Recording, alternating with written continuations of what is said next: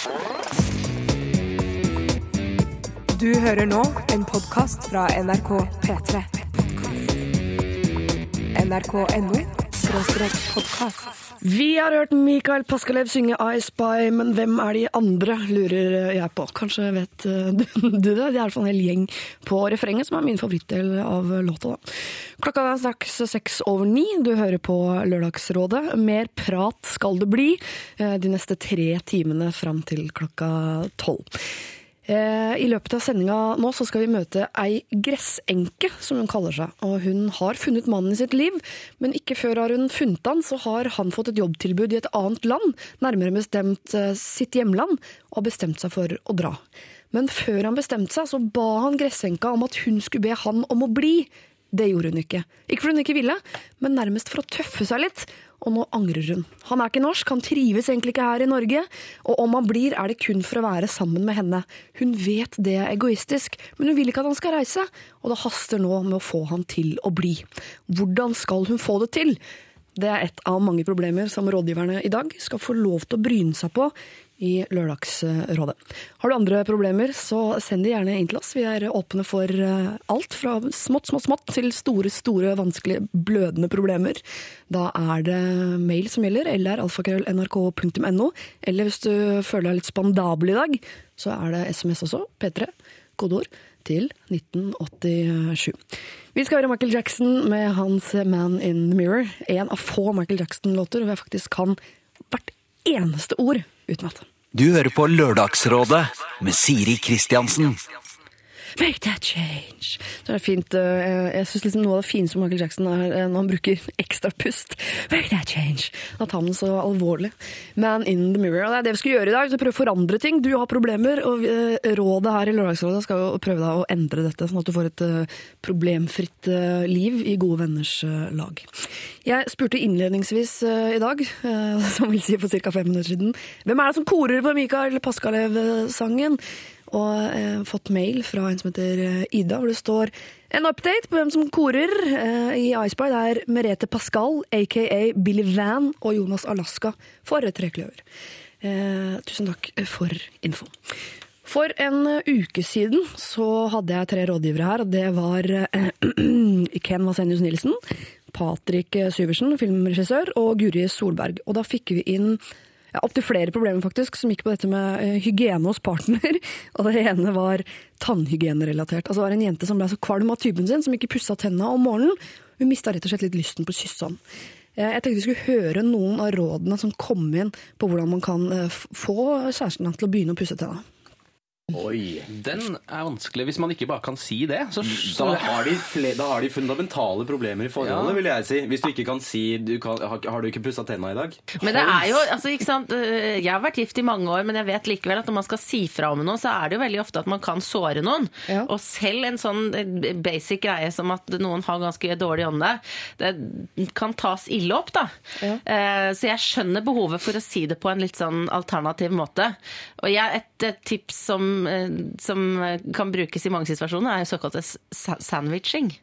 At man sier noe positivt, så sier noe negativt, Ja. så sier man noe positivt. Da kan hun være helt krystallklar, men bare hun passer på å si noe hyggelig før og etter, så ikke han fyren, som da kanskje er litt uh, ømtålig, da, eh, blir lei seg og tenker at hun ikke elsker ham fordi han ikke pusser tenna. En idé er jo kanskje å liksom snike det inn som om akkurat hun også har fått en revelation om at vet du hva, jeg har funnet ut at å pusse tennene om morgenen er faktisk en veldig god idé. Jeg har begynt å pusse tennene to ganger om dagen. Ja, altså. eh, faktisk om morgenen også er det veldig fint etter man har drukket kaffe. Dette var uh, en uke gamle råd fra Ken Patrick og Guri i forhold til hvordan man skal få altså kjæresten sin til å begynne å pusse tenna litt eh, oftere. Og jeg tror jeg litt sånn bryska meg litt på slutten her og sa noe om sånn Hvis ikke du får det til, så skal jeg ordne det. Og da fikk vi en mail fra en gutt eh, i etterkant av dette her som mistenker kjæresten sin da, for å slurve med tannpuss om morgenen. Hun har ikke dårlig ånde, eller noe sånt. han syntes bare at hun burde pusse både om morgen og kveld, og lurte på om ikke vi kunne sende henne en mail og be henne pent om å begynne å pusse tennene sine oftere. Og vi er veldig glad i mail, vi altså, men vi elsker jo telefon! Så vi har ringt til Trond, vi. Trond, Ja, god morgen. god morgen. Har du pusset tennene? Jeg har ikke kommet så langt, nei. Du har ikke kommet så langt. Åssen er det med dama? Eh, Hun ligger i senga, spillersjuk. Kan ikke du gi henne telefonen, har du grei? Ja, bare et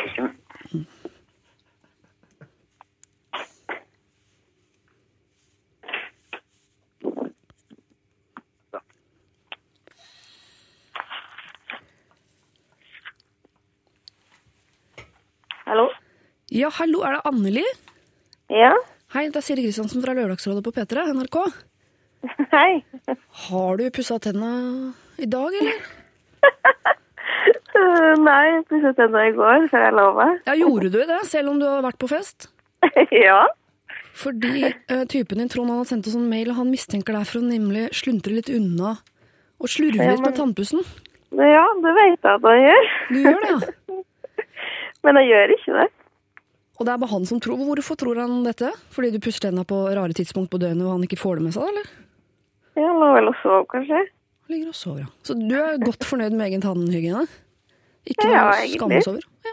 Nei, Ja. da- Jeg syns det går veldig fint, jeg. Han ville bare at vi skulle si fra, men han var litt skeptisk, skjønner du. Ja, jeg skjønner. Han har sagt det noe av. Åssen er han selv, da? Hvordan er det sjøl? Nei eh, Jeg lukter litt, han òg. Han lukter litt, han også, ja. Du slenger på et 'også' der, så du er ikke helt fornøyd med egen eh, munnhule? Nei, jeg tror på han når- når han sier at eh, Når han sier det til meg. Så jeg kan få høre det sjøl òg. Men nå som du har muligheten å sikkert ha garden litt nede i og med at du er fyllesyk og sånn, er det noe du vil eh, oute som han er dårlig på, som når det først nå er på radio og folk sitter og hører på, eller? Uh, nei. Er det ikke det? nei, han får høre det nok sjøl. Så skal ikke si det på radio. Så problemfritt og fint dere har det. da. Kommunikasjon og greier. Det høres så koselig ut. Kanskje dere Ja. heller istedenfor å sende inn problemer til oss, burde sende inn noen råd? ja, kanskje det. Vi viser på det neste gang. Gjør det. Eh, da er det P3 som er kodeordet og nummeret 1987, hvis du skal komme på noe, Anneli. Eh, Ja. Så ønsker jeg dere til lykke med felles eh, liv inn i solnedgangen. Ha det! Ha det. Hvis du som hører på har noen problemer, så uh, i motsetning da, til Anneli og Trond, som tydeligvis har alt på stell, alt fra tannpuss til resten av det et forhold innebærer, så send inn til oss. Mailadressen er alfakrøll, nrk.no. Veronica Maggio får du her med hennes eh, Velkommen inn, etterfulgt av Sirkus Eliassen. Og så er eh, selve Lørdagsrådet på plass. Lørdagsrådet Brødrene Eliassen, eller Sirkus Eliassen som de jo kaller seg, med sin Er vi bare Jans? Eh, og før det så har vi også hørt eh, Veronica Maggio og hennes Velkommen inn. Det passer veldig fint, for jeg skal si velkommen inn til dagens eh, rådgivere. Sigrid Bonde Tusvik. Hallo. Komiker. Eh, Kristian Strand. Programleder og forbrukerinspektør. Det høres så Ja, alvorlig fint ut. Og eh, velkommen tilbake, det var jammen på tide, eh, Håvard Lilleheie. Takk. Hva er det han er? Har Hva, si, ja, hva var det jeg skulle til å spørre Jeg om? er tittelløs. Hva sier vi om deg, Anne? Jeg vet ikke hva du driver med for tiden. Medmenneske. Oi. Jobber du aktivt som medmenneske? Ja, Jeg gjør det. Ja, Og da. foredragsholder? Og, ja, og foredragsholder, selvfølgelig. Motivasjon eh, først og fremst. Men eh, det du trenger egentlig. Hvis du trenger et foredrag, Ja. ringer du meg. Du bare skriver det? Om nesten hva som helst? Tematikk, ikke så farlig. Ikke så Folk farlig. elsker foredrag. Det har vi lært etter å ha sett eh, yrkene til Paradise Hotel-deltakerne. At man bør helst ha to yrker. Jeg hørte du nevnte det på Kristiansand.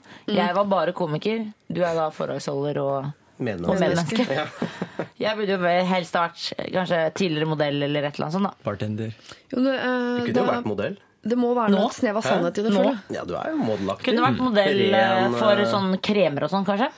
Ja, Sånn apotekmodell. Håndmodell. Ikke sånn Håndmodell, ja, håndmodell. Ja. Men ikke sånn veldig Ikke sånn der, Ikke sånn eh, motemodell. Kunne vært stand-in rumpemodell også. Ikke ganske snerten stuss? Jo, Ja. det kunne jeg faktisk vært. Jeg, jeg tenkte på det på den Melly Monroe-filmen jeg så. Da tenkte jeg hun har stand-in på den rumpa som går ut i vannet. Men for hun sånn var jo litt chubby, Marilyn. Det er jo ikke du sånn foreløpig, i hvert fall, i livet. Nei, jeg skal jobbe meg opp. Du kunne sikkert gjort en del sånn softcore-arbeid. Det er veldig bra. Jeg Er vi i pornobransjen nå? Jeg så Jeg, jeg tenker ikke nude, altså. Jeg tenker mer sånn eh, Det har du gjort før, det! Kom I jeg på nå. NRK. Outer du Sigrid? Altså tidligere Ja, magasiner, Jeg har vært på FM, FHM. Stemmer det? Jeg har Ja. sett det. Vært på forsider av Mann og FHM. Du har gjort softcore-arbeid. Jeg ligger helt lavt jeg er på sånne kvinnedager og alt mulig. Jeg bare, Kvinnedag, når er det igjen? Husker ikke. Å nei, da var jeg bortreist. Fikk jeg ikke med meg. Jeg, for eksempel, jeg er ikke i fråga når det gjelder sånn softcore-arbeid. nei, du er ikke det. Nei, jeg- Du får aldri spørsmål om det. Lite softcore for Du har jo blitt mye tynnere Håvard, siden sist. Du har jo vært med i Lørdagsrådet før. Ja, det begynner å bli, det er sikkert et år siden. Ja, minst. Ja, og da var jeg jo Da var jeg feit. Nei, det var ikke, men du er mye tynnere. Det er så vanskelig å si Ja, dette, gutter, Jeg, jeg vet ikke om det er et kompliment. hvordan jeg blitt, eh, hvordan jeg har blitt tynn. For det er jo Folk ønsker jo Kan ikke vi få vite blitt det? sånn tangesmoothie helsefrik? Det som, det som skjedde, var at jeg Man jeg, å kaste opp. at jeg nærmest jeg, jeg begynte å trene. Ja. eh, og så Hva begynte- slags trening? Det er viktig å vite. Ikke Ja. bare sånn trening. Nei, det, det eh, alternerer jo da mellom intervalløp eh, og sånn eh, core-styrke. Eh, og selvfølgelig fotball og, og sånn eh, artige ting. Eh, men så hadde jeg sånn trent ikke, Jeg hadde trent litt hele tida, men jeg hadde ikke trent noen styrke. Jeg spilte fotball og på ski og sånn. Men så begynte jeg sånn hardt.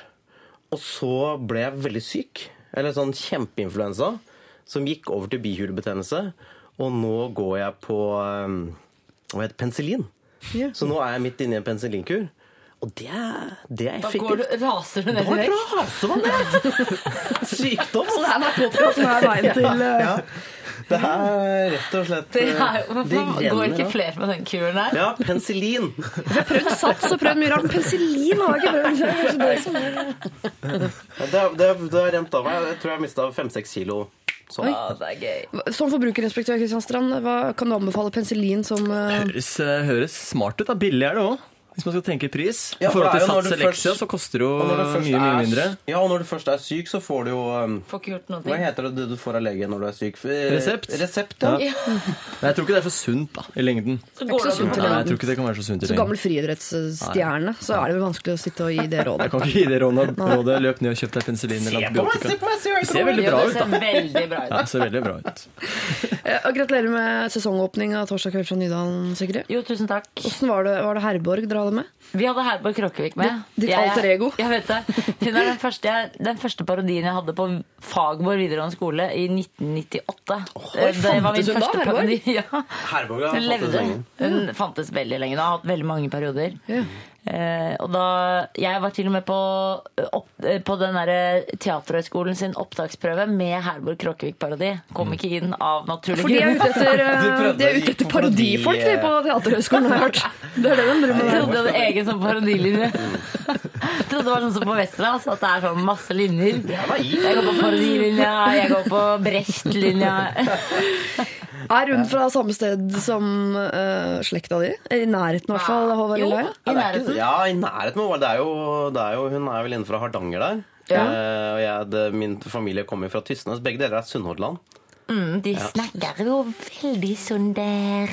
Ja. Hvor mange bor dere på Tysne? Er det, dere er 200 stykker eller sånn? Er, har du familie som er eh, i Ja, slekt? eh, jeg har fam meste av familien min er i slekt, men det er eh, Du skjønner hva enkelt Er du jeg? Ja, jeg har familie på Tysnes, ja. Ja, okay. ja. Er du din egen fetter? Var det det du Ja. lurte på? Har også fetter på Tysnes, ja. Men er fetteren din også broren din eller en far? Hvis du skjønner? Men har- Nei, men altså, eh, altså Mamma og pappa er familie. De er familie. Ikke sånn, ikke sånn nært, men eh, Måtte de spørre kongen om lov? jeg, jeg kunne vært bløder, ja. Det er eh, Ja, men For faren min, han er, faren min er veldig opptatt av, eh, av slekt. Ja. Um, så, Så opptatt at han begynte å ligge med dem?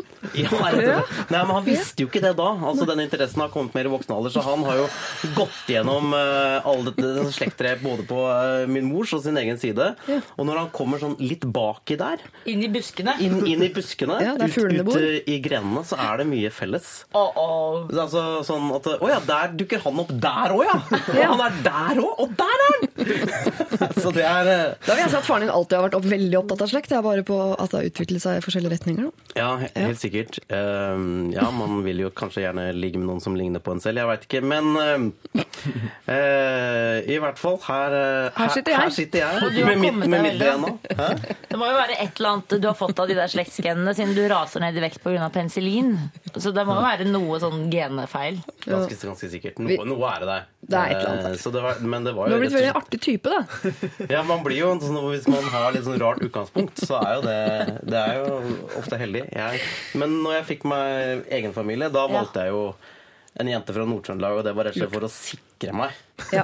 Eller sikre ditt avkom. Ja, sikre, sikre avkommet mitt. Ja, for Ja. Tysnes har ikke vært oppe og tafsa i Nord-Trøndelag før. Vi vil ikke ha esler i menneskerasen. Altså til folk som ikke kan reprodusere seg. Vi vil på en måte ikke skape en eselrase innenfor menneskeheten. Eslene kan reprodusere. Det Nei, er, det er muldyrene som ikke kan det. Unnskyld. som ikke kan det.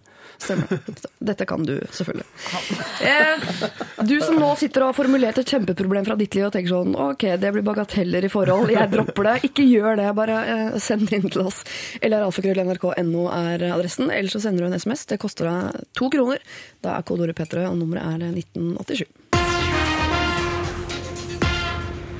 Fugees eh, hører vi eh, synge seg lavere og lavere ned og lavere ned i volum her med 'Killing Me Softly'.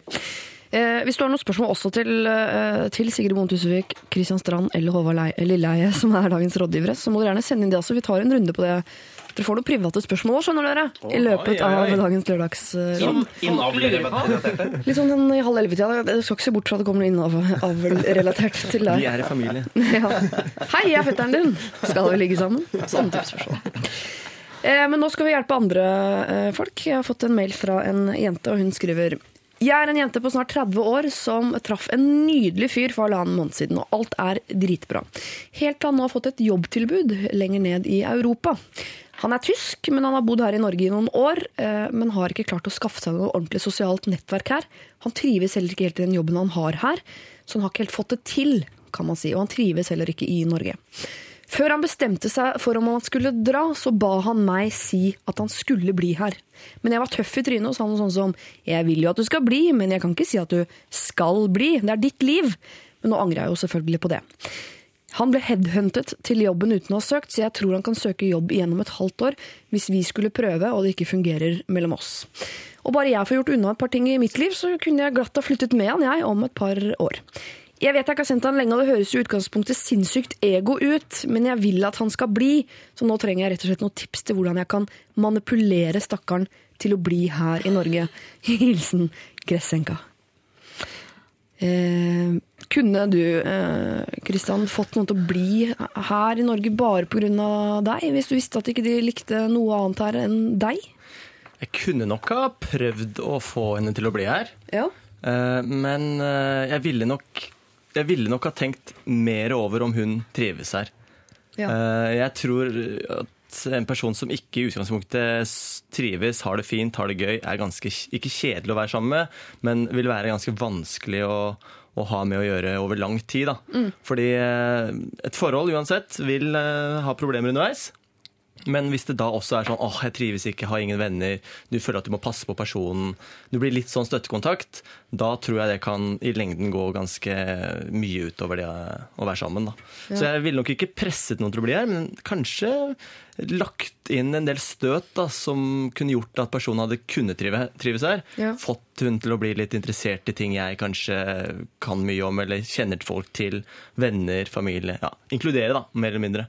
Men ikke presse. Så et råd til hvordan du skal få han til å bli, er å inkludere han i ting Ja, i hun hvert driver fall prøve å vise ting som du syns er morsomt. da. Eh, eh, Det kan være henge sammen med kule folk, det kan være ta med på ting som kanskje hun kunne synes også var morsomt. Eh, Få henne til å få noen egne venner, skape sitt eget liv lite grann. Mm. For det, det tror jeg kan være en litt sånn utfordring med folk som kommer hit. Og så er det så klart språket. Han er tysk, da. Mm. Så det kan jo være noe, noen barrierer der også. Ja. Men tysk skjønner vi alle norske, vet du. Gjør vi ikke det? Skjønner ikke et kvekk. Nei, ikke helt. Men hun har bestemt, hun vil at han skal bli her. Hun vet at det er egoistisk, men hun vil at han skal bli. Hvordan skulle hun få det til, sikkert? Jeg tror ikke hun har god tid heller, for han drar snart. Ja, jeg har også følt at han drar liksom Ja, men han, også, han har sagt ja til jobben. Han skal ta er. Kiel-ferja i morgen. Følte jeg, jeg fikk en følelse av at hun må skynde seg noe sabla mye. Vi må gi et veldig godt råd veldig fort. Jeg tror at eh, hun har driti seg ut, rett og slett. Altså, det der er for seint. For det første, hvorfor tøffet hun seg i utgangspunktet? Det irriterer meg at hun gjorde. Jeg De har er- hverandre en og en halv måned. Klart er man i tøffe seg-fasen.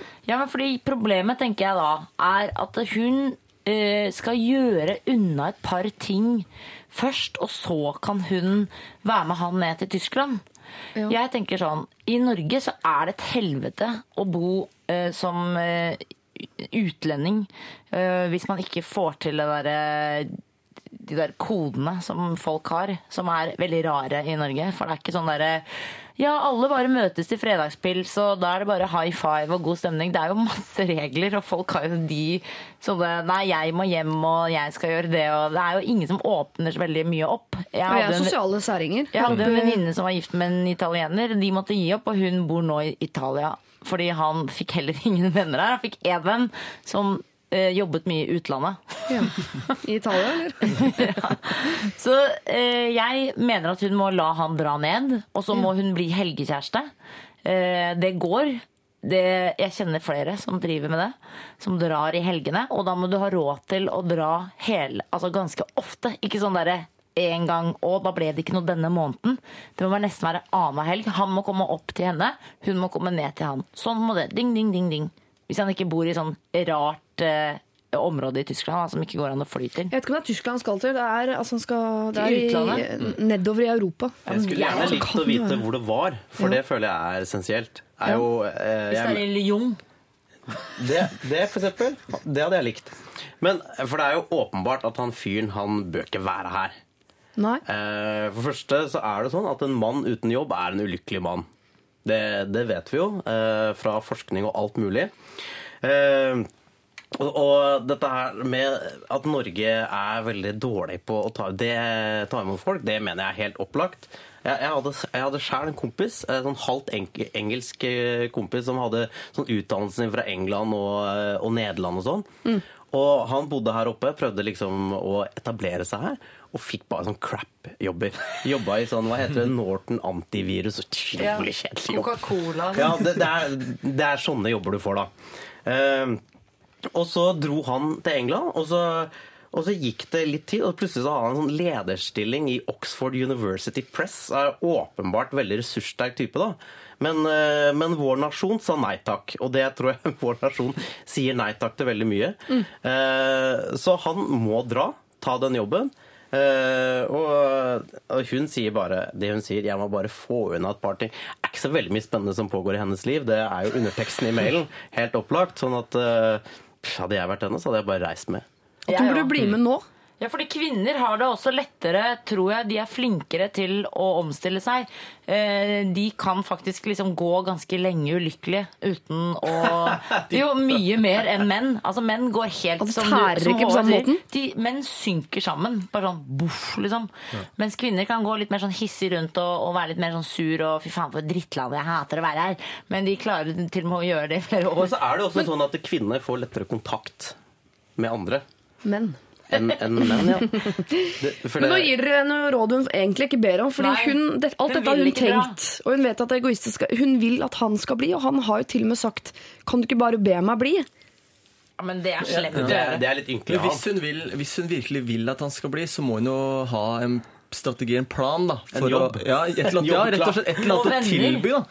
Eh, Jeg har jo også venner som har giftet seg eller fått kjæreste fra andre land. og Det som ofte skjer, er jo at personen sant, søker jobber og skal prøve å få ting, og så skjer det ikke noe, og så går man inn i en sånn dårlig tralt, og så blir det dårlig stemning. Ja. Men noen ganger så er det jo sånn at da må man rett og slett begge to aktivt si da, ok, innen tre måneder får vi ikke noe jobb, får vi ikke noe jobb til deg, så Han har jobb her. Han bare trives ikke ja, han trives så godt ikke, men da må du bytte jobb, da.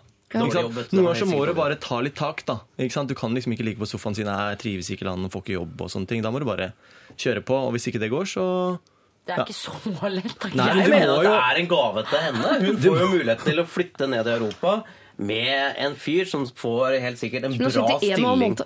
Som har kjent i en og en halv måned. Ja, men du Men vet, tyskere er. Tyskere er så solide. Ja, Det er sant. de er stødige folk. ja. Ja, ja. De Hvis de ikke er soldater og skal tilbake igjen, Jeg kjører tysk sjøl. kjører du tysk sjøl, eller hva da? Mercedes? Jeg kjører med stjerne, ja. Å, fy fader. Folk, folk med hjerne kjører jo stjerne, er det ikke det? ikke det de sier på Sunnmøre? Er altså er, er det ikke noe kjærlighet til dette rommet? Er det ingen der som kan si Kan du ikke bare si 'bli her', da? Og så, Jo, og så blir han her, og så er de så forelsket at alt ordner seg. Ja, men bli han med, blir jo ulykkelig.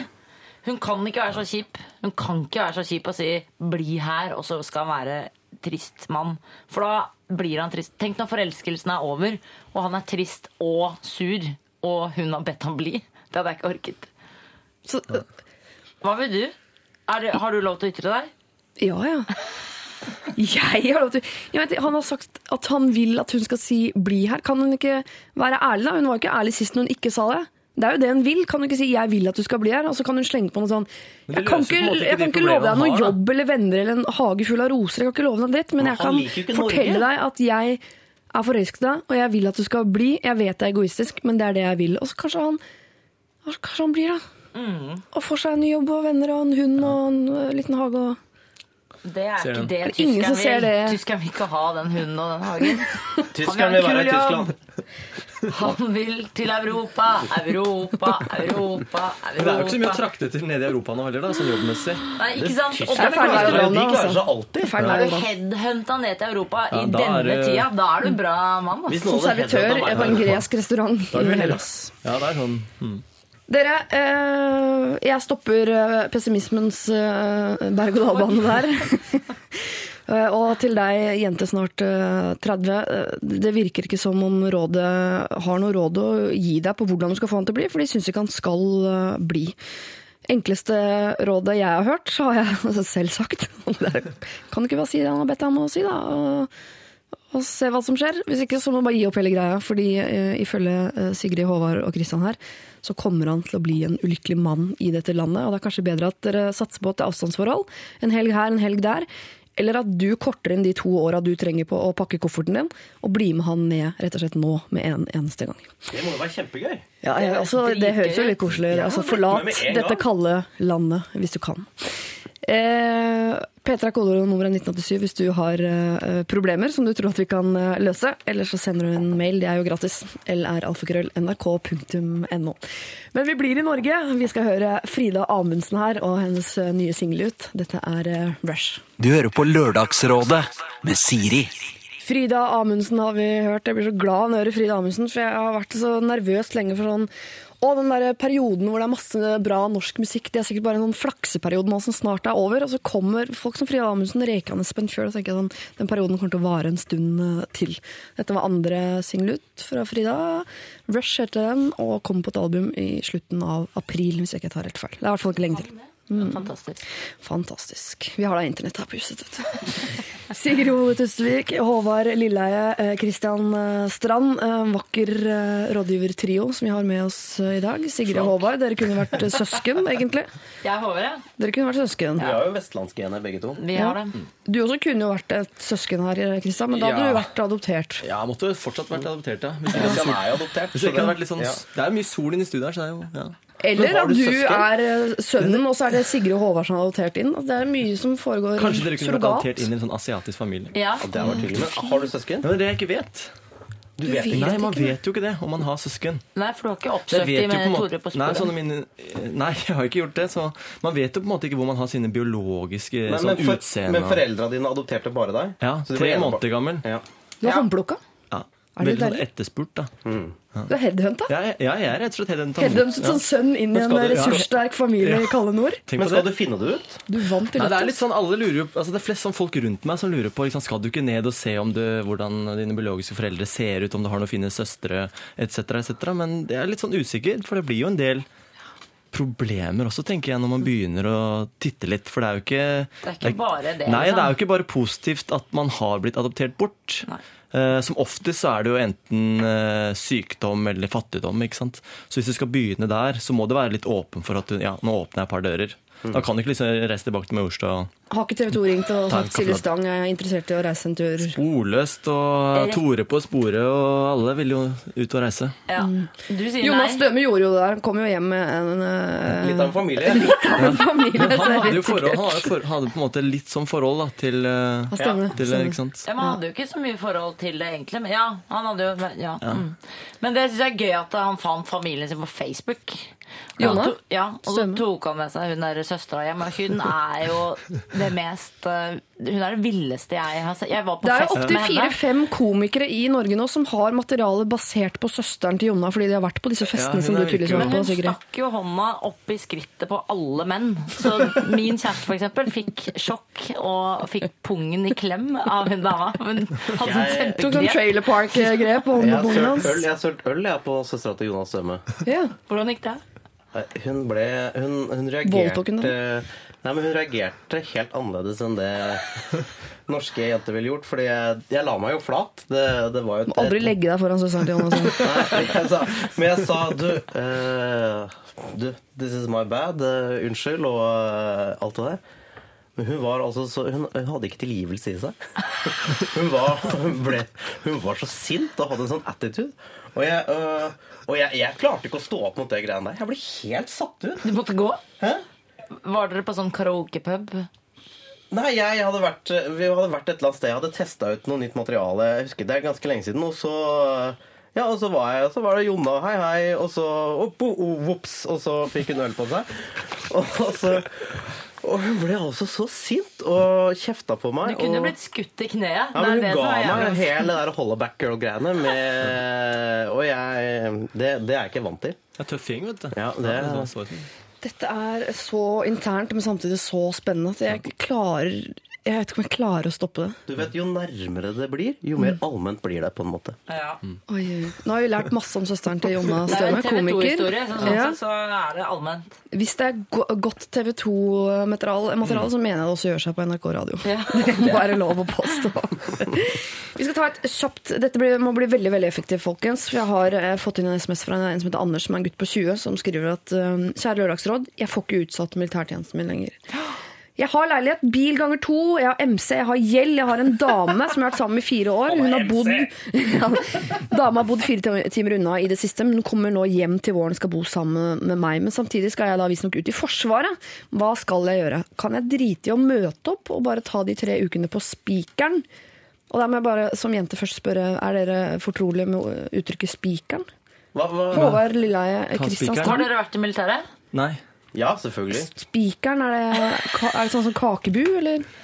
Nei, det er sånn du må lage var paller. Men I hvilken sammenheng er det det er nevnt? Ta spikeren. Altså, hvis han uh, ikke møter opp på Så får Er det sesjonen etter? sesjon det heter? Hvis han ikke møter opp i militæret, så får han tre uker på spikeren. Ja. Det må være en anstalt. Ja, det må være Ja, fengsel. fengsel. Nei, ja, eller at du må, du må lage Ja, ja, paller. det er litt sånn fengsel, ja. Må arbeide. Ja, det er selvfølgelig at du må på sånn Palle. hoffaktig spikre paller. Ja, var ikke dere det fengselet i Drammen? Hamar. Jeg, også, jeg spikra paller òg, jeg, vet du. Så jeg, jeg, jeg, kan, jeg kan begge deler. Jeg har både vært i Forsvaret og spikra paller.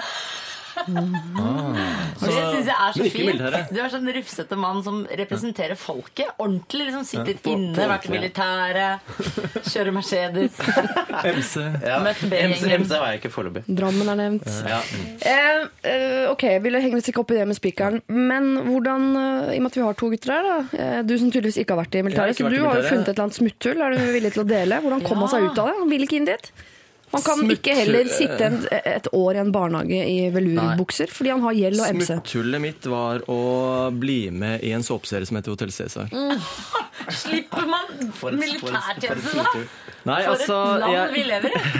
Greia var jo egentlig at eh, jeg skulle i militæret og skulle til Værnes Ja. uh, i flyvåpenet. Men så viser det seg at jeg har minus sju i eh, syn. Det viste seg, altså. Du visste Nei, ikke jeg, det. Du hadde jeg, sett jeg trodde jeg så folk, men jeg så dem ikke. Minus sju, det er mye. Ja, altså Jeg ser ikke uten linser eller briller. Det er så vidt jeg ser dere nå. Uh, uh, Ja, og da for du går ikke med linser og briller? Jeg går med linser, ja. ja, ja, ja, ja. Så, uh, så utgangspunktet så kunne jeg vært stridsudyktig. Altså Jeg kunne Ja. liksom ikke løpe rundt med gevær. da Kan ikke være gardist Jeg engang. kunne Altså, det, ikke sant? Og så skulle flyvåpenet kjøre ikke sant? de Det ble tatt sånn Freddy Dos Santos-operasjon. Ja, ikke sant? Er det det den operasjonen heter? Men så, så ble det slik at eh, ja, jeg kunne ikke eh, slåss. Men da fikk jeg på en måte mediesenteret som jeg kunne komme til da, på Akershus festning. Ja. Eh, Men så skjedde dette at i, at i russetida så ville da TV 2 at jeg skulle bli pikkolo i denne serien. Ja. Eh, Og så ble det litt sånn, ja, det kunne kanskje utsettes ett år. Ikke sant? Fordi det var en såpass jobb som du ikke fikk igjen. Eh, Og så ville jeg jo eventuelt ha gått denne mediedelen i Forsvaret, og så ble det rett og slett bare videre jobbing. da. Og så blir det jo 27, og så tenkte jeg sånn, 27, da kanskje jeg kunne komme meg inn. Og ikke, jobb, ikke være stridsdyktig, men bare sitte på et kontor når jeg er 27, men da er du for gammel. Så 27 han er 20 nå, så hvis han klarer å klarer utsette det er syv i til, år til så, så, så trenger du ikke å gå inn. Og så er det sånn at man ikke alle trenger ikke å gå inn i militæret lenger. Jeg er litt overraska over forutsetningene her. For at jeg, jeg trodde at det var sånn at folk ikke måtte i militær lenger. Ja, at det, det- nå er det bare sånn Hvis du har lyst, Ja, det er jo litt sånn har du lov. Har du lyst, har du lov. Aktig eh, Og så får du poeng også nå. Hæ? Han ha misforstått han fyren. Ja, du får litt poeng for å gå i militæret nå, gjør du ikke? Jo, men det trenger han ikke. Han har jo MC. og gjeld. Og gjeld. Men uh, gjeld og gjeld, altså hvor mye gjeld har han som 20-åring?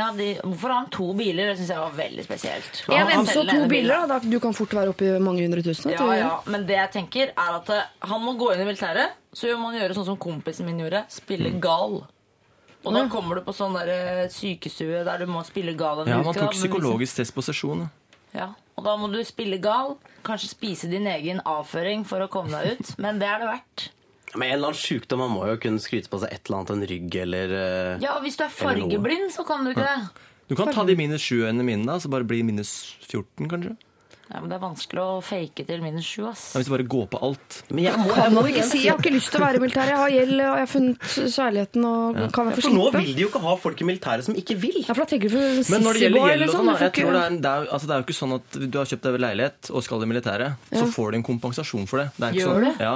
At kanskje det lønner seg? Det er jo ikke sånn at du må sitte og betale denne boliglånsgjelda di fordi du må i militæret. Hvis du har tatt opp en del eh, lån og sånn, Mm. så som forbrukerinspektør, så vet jeg i hvert fall at det er Du kan fryse ting, du kan få utsettelse, og, du, og du får en Men har de en du får grense på- kompensasjon. har de en Ja, altså, på bor- antall biler? Ja, hvis du liksom bor på Aker Brygge og kjører stjerne fordi du har hjerne, eh, så er det så klart ikke Du får en viss eh, kompensasjon. Det kommer en SMS her også om at hvis han tar nytt fagbrev, så slipper han. Hva sa du? Hvis han tar nytt fagbrev, så slipper han. Mm. Så hvis han tar et eller annet fagbrev, da. Ja, men så ta det, da. Ta et fagbrev. Ja, men han har sikkert fagbrev, da. Ja, man Han kan jo toppe det, toppe det fagbrevet. Ja. Det er jo alltid en mulighet til å toppe ting. Altså, Er du snekker, kan du bli finsnekker. Glassmester. Forskalings.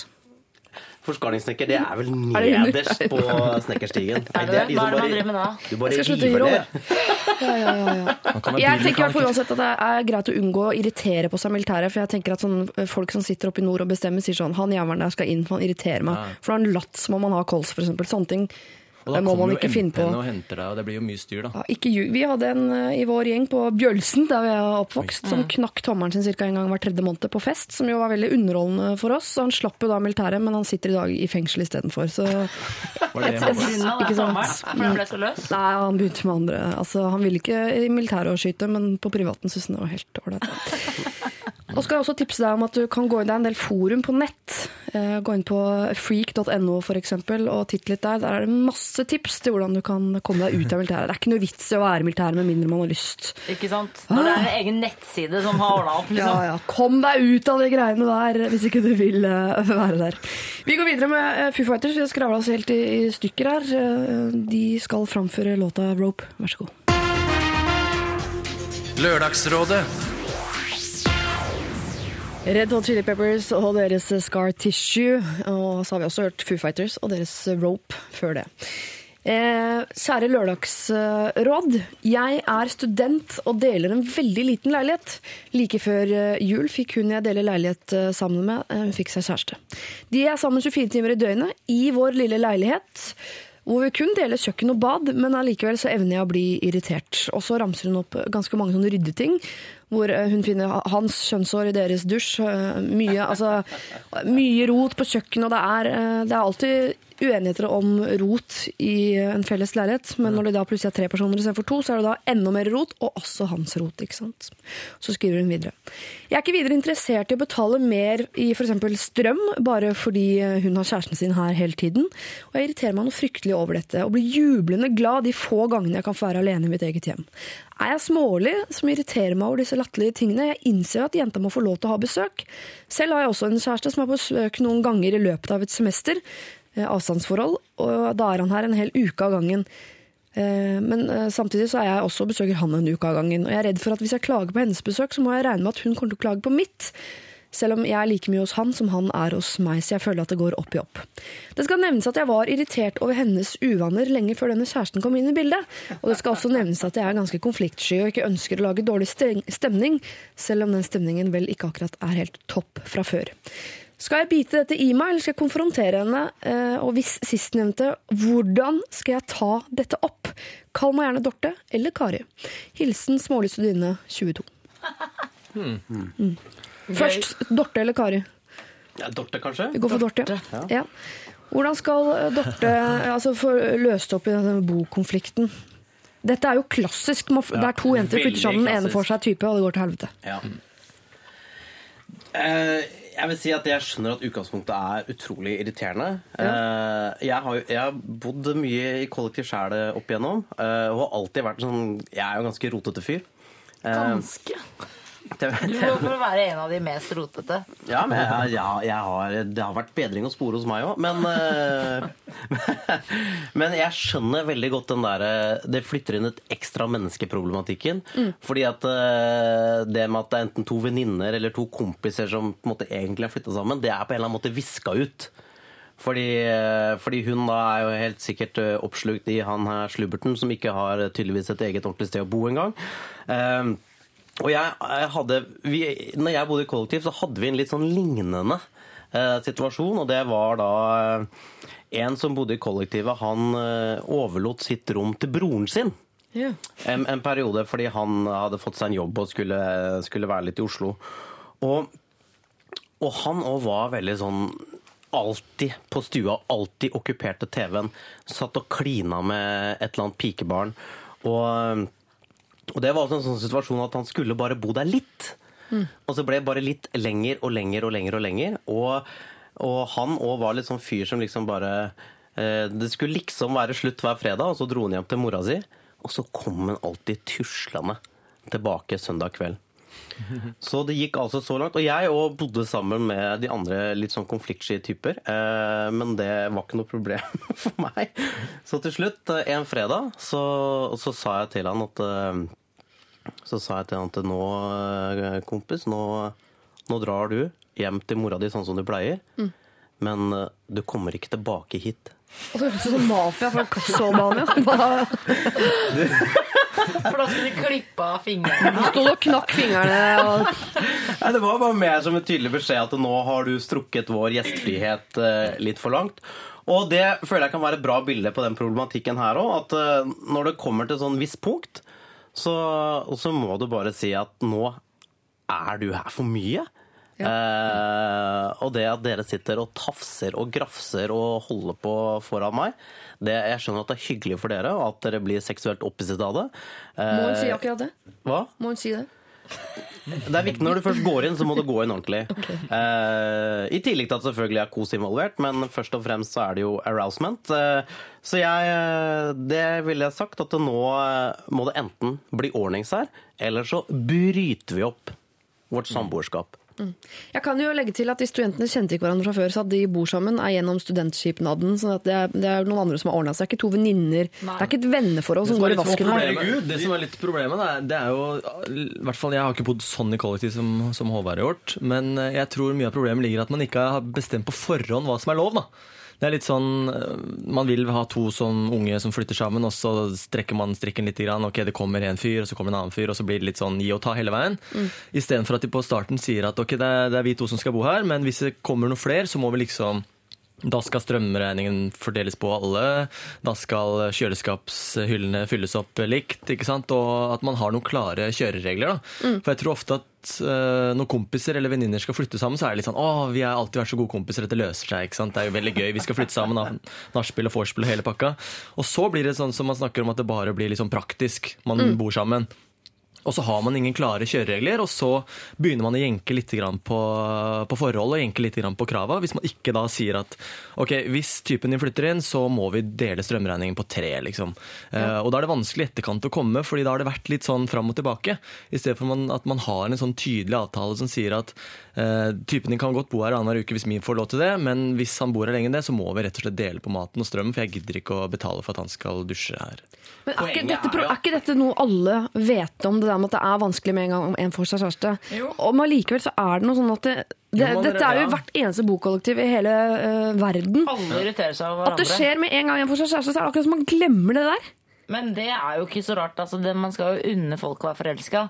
Men jeg tenker at hun her, Dorte, er Altså At hun irriterer seg over at det er hans kjønnshår i, i dusjen. Det Ja. er jo ikke hans feil. Han må jo få lov til å ha kjønnshår. Det er jo Men må han få lov til å dusje der? Han har sin egen leilighet. Ja, men da må de, de må ta råd. Hun må ha et råd uten han kjæresten. Si sånn Neste fredag skal vi ha råd. Eh, sånn samboerråd. Og så må det gås gjennom sånn Hva gjør man med kjønnshår i dusjen? Og så må hun eh, som har fått seg kjæreste, si hva, hvordan hun skal løse det. Ikke, ikke at hun går og angriper og sier sånn Det er kjønnshår i dusjen! Nå vet jeg Hvem hvordan de gjør det. Altså, De bare tar det neste lørdag formiddag, og så tar de det på lufta her.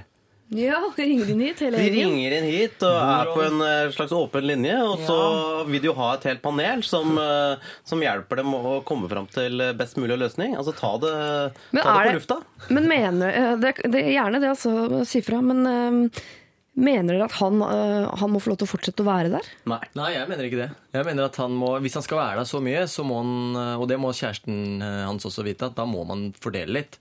Og så må man vite at eh, det er de to som bor der. Dette er en liten leilighet. altså Det er ikke en sånn 150 kvadratmeter Frogner med luft, masse luft og sånn. Dette er en trang leilighet, og da må, da må hun skjønne at det går ikke an å ha han fyren hengende rundt her. Eller så kan jo Dorte bare flytte, da.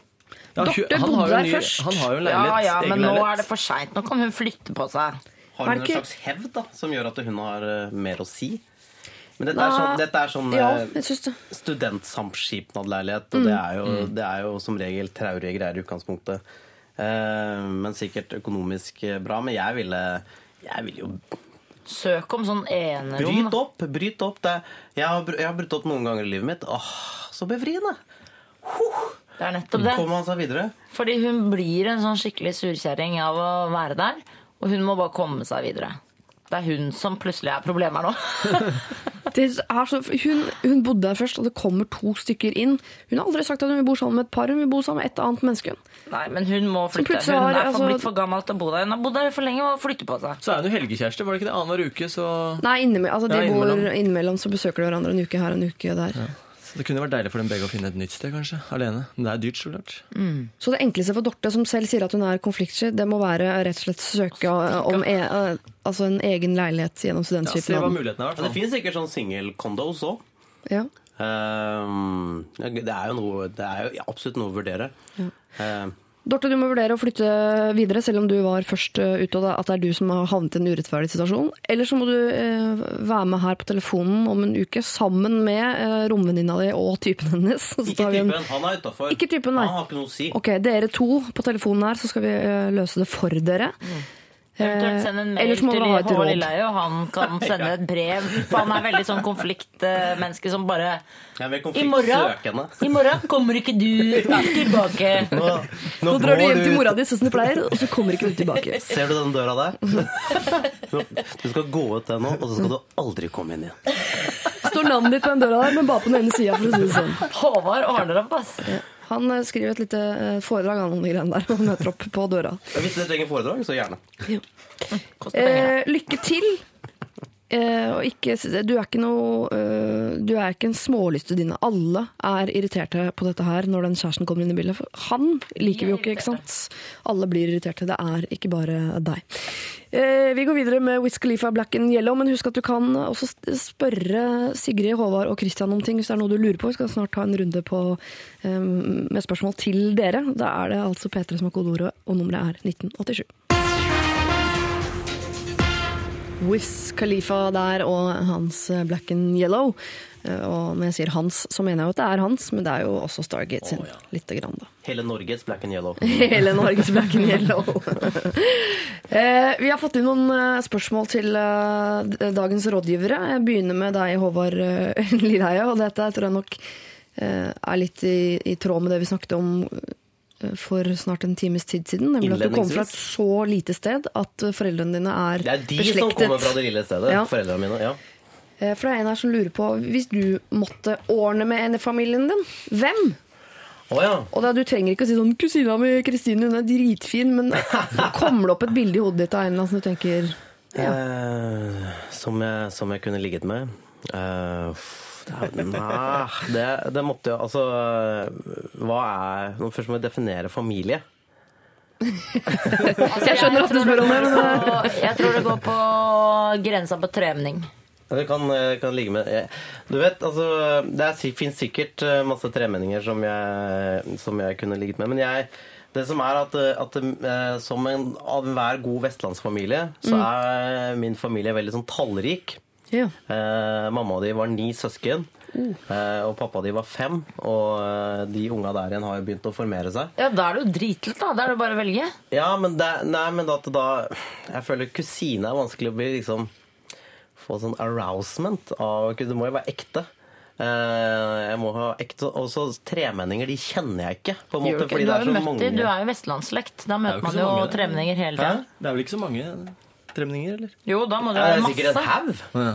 Men på det lille stedet? Hva? Ja, Ja, det er masse. Men jeg kjenner bare, jeg kjenner bare til og med søskenbarn, da, for å bruke Mm. den kjønnsnøytrale termen. Men jeg altså, vet hvem jeg skal ligge med i min slekt. hvem er det? Kjetil eh, Kjetil. Hva er han? Han er.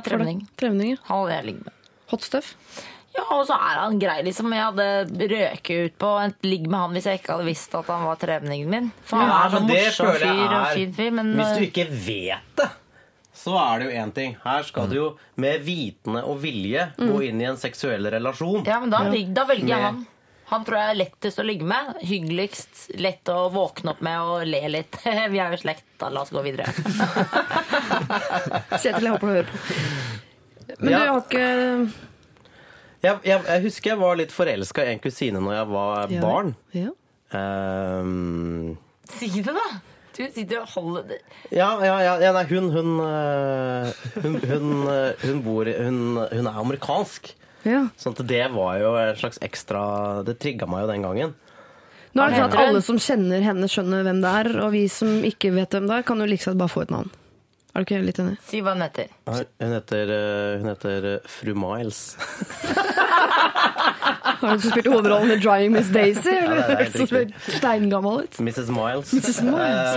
Eh, Can I penetrate you, Mrs. Du, Miles? jeg, jeg føler, men jeg føler det er så urettferdig. Hun er så, hun er en så ren og ordentlig jente at hun skal bli dratt inn i dritten Jo, min. men Det er argument nok for å si at hvis jeg måtte ligge med noen i familien, så tar hun ren og ordentlig. Ja, gjør det. Hvis først eh, skulle det gå så gærent. Ja. Mm. Jeg går videre til deg, Sigrid Bonde Tusvik. Eh, Det er en som lurer på hva den ultimate jobben for deg er. Åh, eh, Har du det- en drømmejobb, eller har du gjort alt? Skulle vært eh, advokat. Mamma og pappa hadde jo et sterkt ønske om at jeg skulle bli jurist. Yeah. Eh, men Du er faktisk litt juristaktig. jeg vet det. Jeg har det Du har den strengheten. Ja. Litt sånn drakt og Ja, så er jeg sånn veldig sånn, Jeg har sånn rettferdighetssans som er litt, sånn litt for mye. Sånn, Ja. Der jeg holder sånne lange taler om Og så er jeg jo elevrådsleder-genet. Ja. Eh, Fordi på torsdag fra Dydalen skal vi på sånn seminar eh, til eh, Norefjell. Mm. Og da sa jeg til en av sjefene så sa jeg, er det noe faglig opplegg på det der, eller skal vi bare liksom spa og sånn? For jeg syns det er litt dumt hvis vi skal helt opp til Nordfjell og det ikke er noe faglig opplegg. Og da merket jeg at alle de andre bare tenkte sånn Faen, det er så jævla Skal du verneombud på Feelgood TV, film og scene?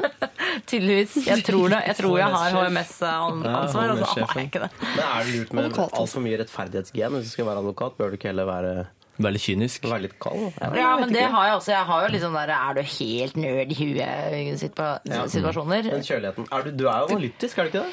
Jeg tror det. Det kan være du får utløp for det, det behovet der bare ved å rett og slett øh, klekke et egg. altså. Få ut en liten en. Og så, så får jeg da eh, en juristunge. Nei, da blir man jurist i familien. Oh, ja.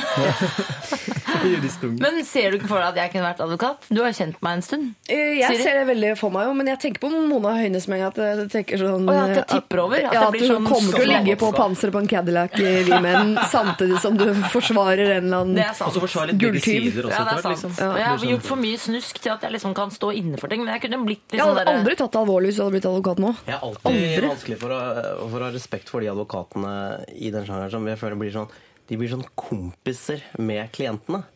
Som er sånn Tor Erling som henger med klientene, og du kan se sånn partybilder med, Som hvitvasker med sånn dem, bad guys. eh, Ja.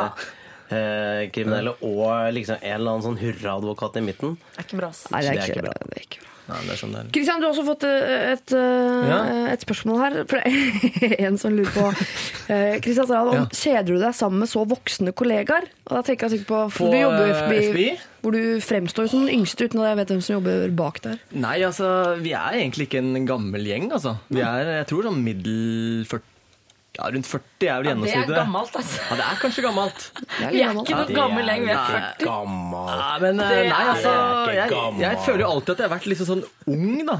Ung liksom uansett hvilken jobb. Så, men jeg trives egentlig å jobbe med litt eldre folk, da. Du kunne jo vært 19. Jeg kunne vært 19. Ja. Jeg føler at jeg er 19. Du har vært det. Eh, Jeg har også vært 19. Men det er noe med det å jobbe med litt eldre folk. Du, du snakker jo ofte i lunsjen om ting som du ennå ikke kanskje har begynt å interessere deg for. da. Hva da? Nei, men det er litt sånn, sånn, sånn som Selv om Siri, Siri skal ha kids, da. Det er jo ikke sånn, altså Jeg er jo interessert i det, men det er på en måte ikke en problemstilling jeg nå vet masse om ennå. Eh, og så er det på en måte skilsmisse. da. Jeg vet ikke så mye om det. Jeg skal gifte meg til sommeren. Jeg vet ikke liksom om neste steg ennå. Hvem er det som skiller skiller seg i redaksjonen? Det er ganske mange vet du, som Er skiller seg. Ja, det er ofte folk Er det skiller seg. Ja da. I FBI, altså. Der Ja, er det et høyt peiling?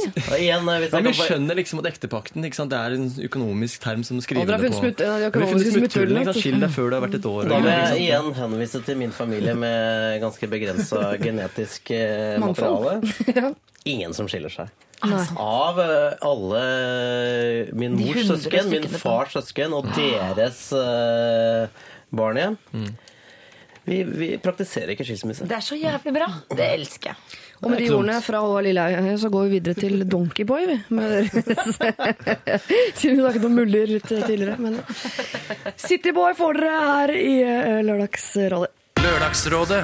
Donkeyboy fikk vi der, og deres eh, Cityboy. Og vi i Lørdagsrådet, som i dag består av Håvard Lilleheie, Kristian Strand og Sigrid Bonde Tusvik. Eh, alle litt sånn sommerlig antrukket, faktisk. Det er sol. Ja. Solete. Sol i Flaks at det ble sol, da. Eh, dere skal få et eh, Det er stygt å si morsomt problem, men eh, det er jo ikke Det er litt morsomt, og det er ikke egentlig et problem. Her skal vi ikke antageligvis komme så mye råd. Vi skal enten gi tommelen opp og si kjør på, eller så skal vi sette på, eh, virkelig sette på håndbrekket og si dette må dere finne på å gjøre. Å, dette er gøy! Det- Du øker spenninga noe vanvittig her nå. Jeg har gått dramaturgikurs, det kommer til sin rett her nå. Jeg, eh, hei! Ei venninne av meg hadde one night stand i helgen, hvor hun fikk nummer og etternavn til han hun lå med. Han har ingenting på henne. Hun er veldig usikker på hvordan hun skal ta kontakt, for de hadde veldig god kjemi. Jeg foreslo å sende noen linker til han på Facebook, uten å legge til han til som venn. Altså. Og jeg foreslo tre linker. Og dette er tre musikkvideoer fra YouTube, og jeg hentet ut da litt av teksten fra disse tre låtene. Eh, og det skal dere få. Dette er de tre låtene hun vurderer å sende som link til en fyr hun har eh, ligget med, og som hun vil treffe igjen. Vi hører på det. Altså. Ja. I love myself.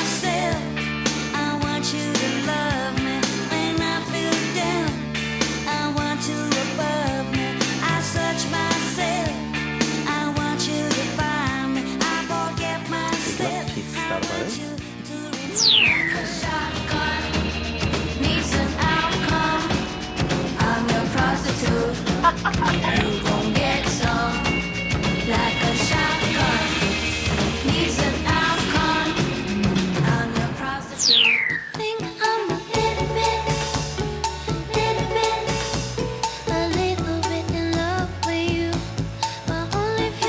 Altså, hun har hengt å dure på med uh, I Touch Myself-låta. Videre da med Lykkelig som sier I'm a prostitute, come get some. Og avslutter med I think I'm a little bit in love with you. Søt. Den siste var jo søt, da. Ja da, men de har ligget sammen en gang, så det er kanskje litt mye. De er forresten rundt 25 år begge to, om det har noe å si, syns hun. Og spør da hva syns dere. Er det litt kinky og kult?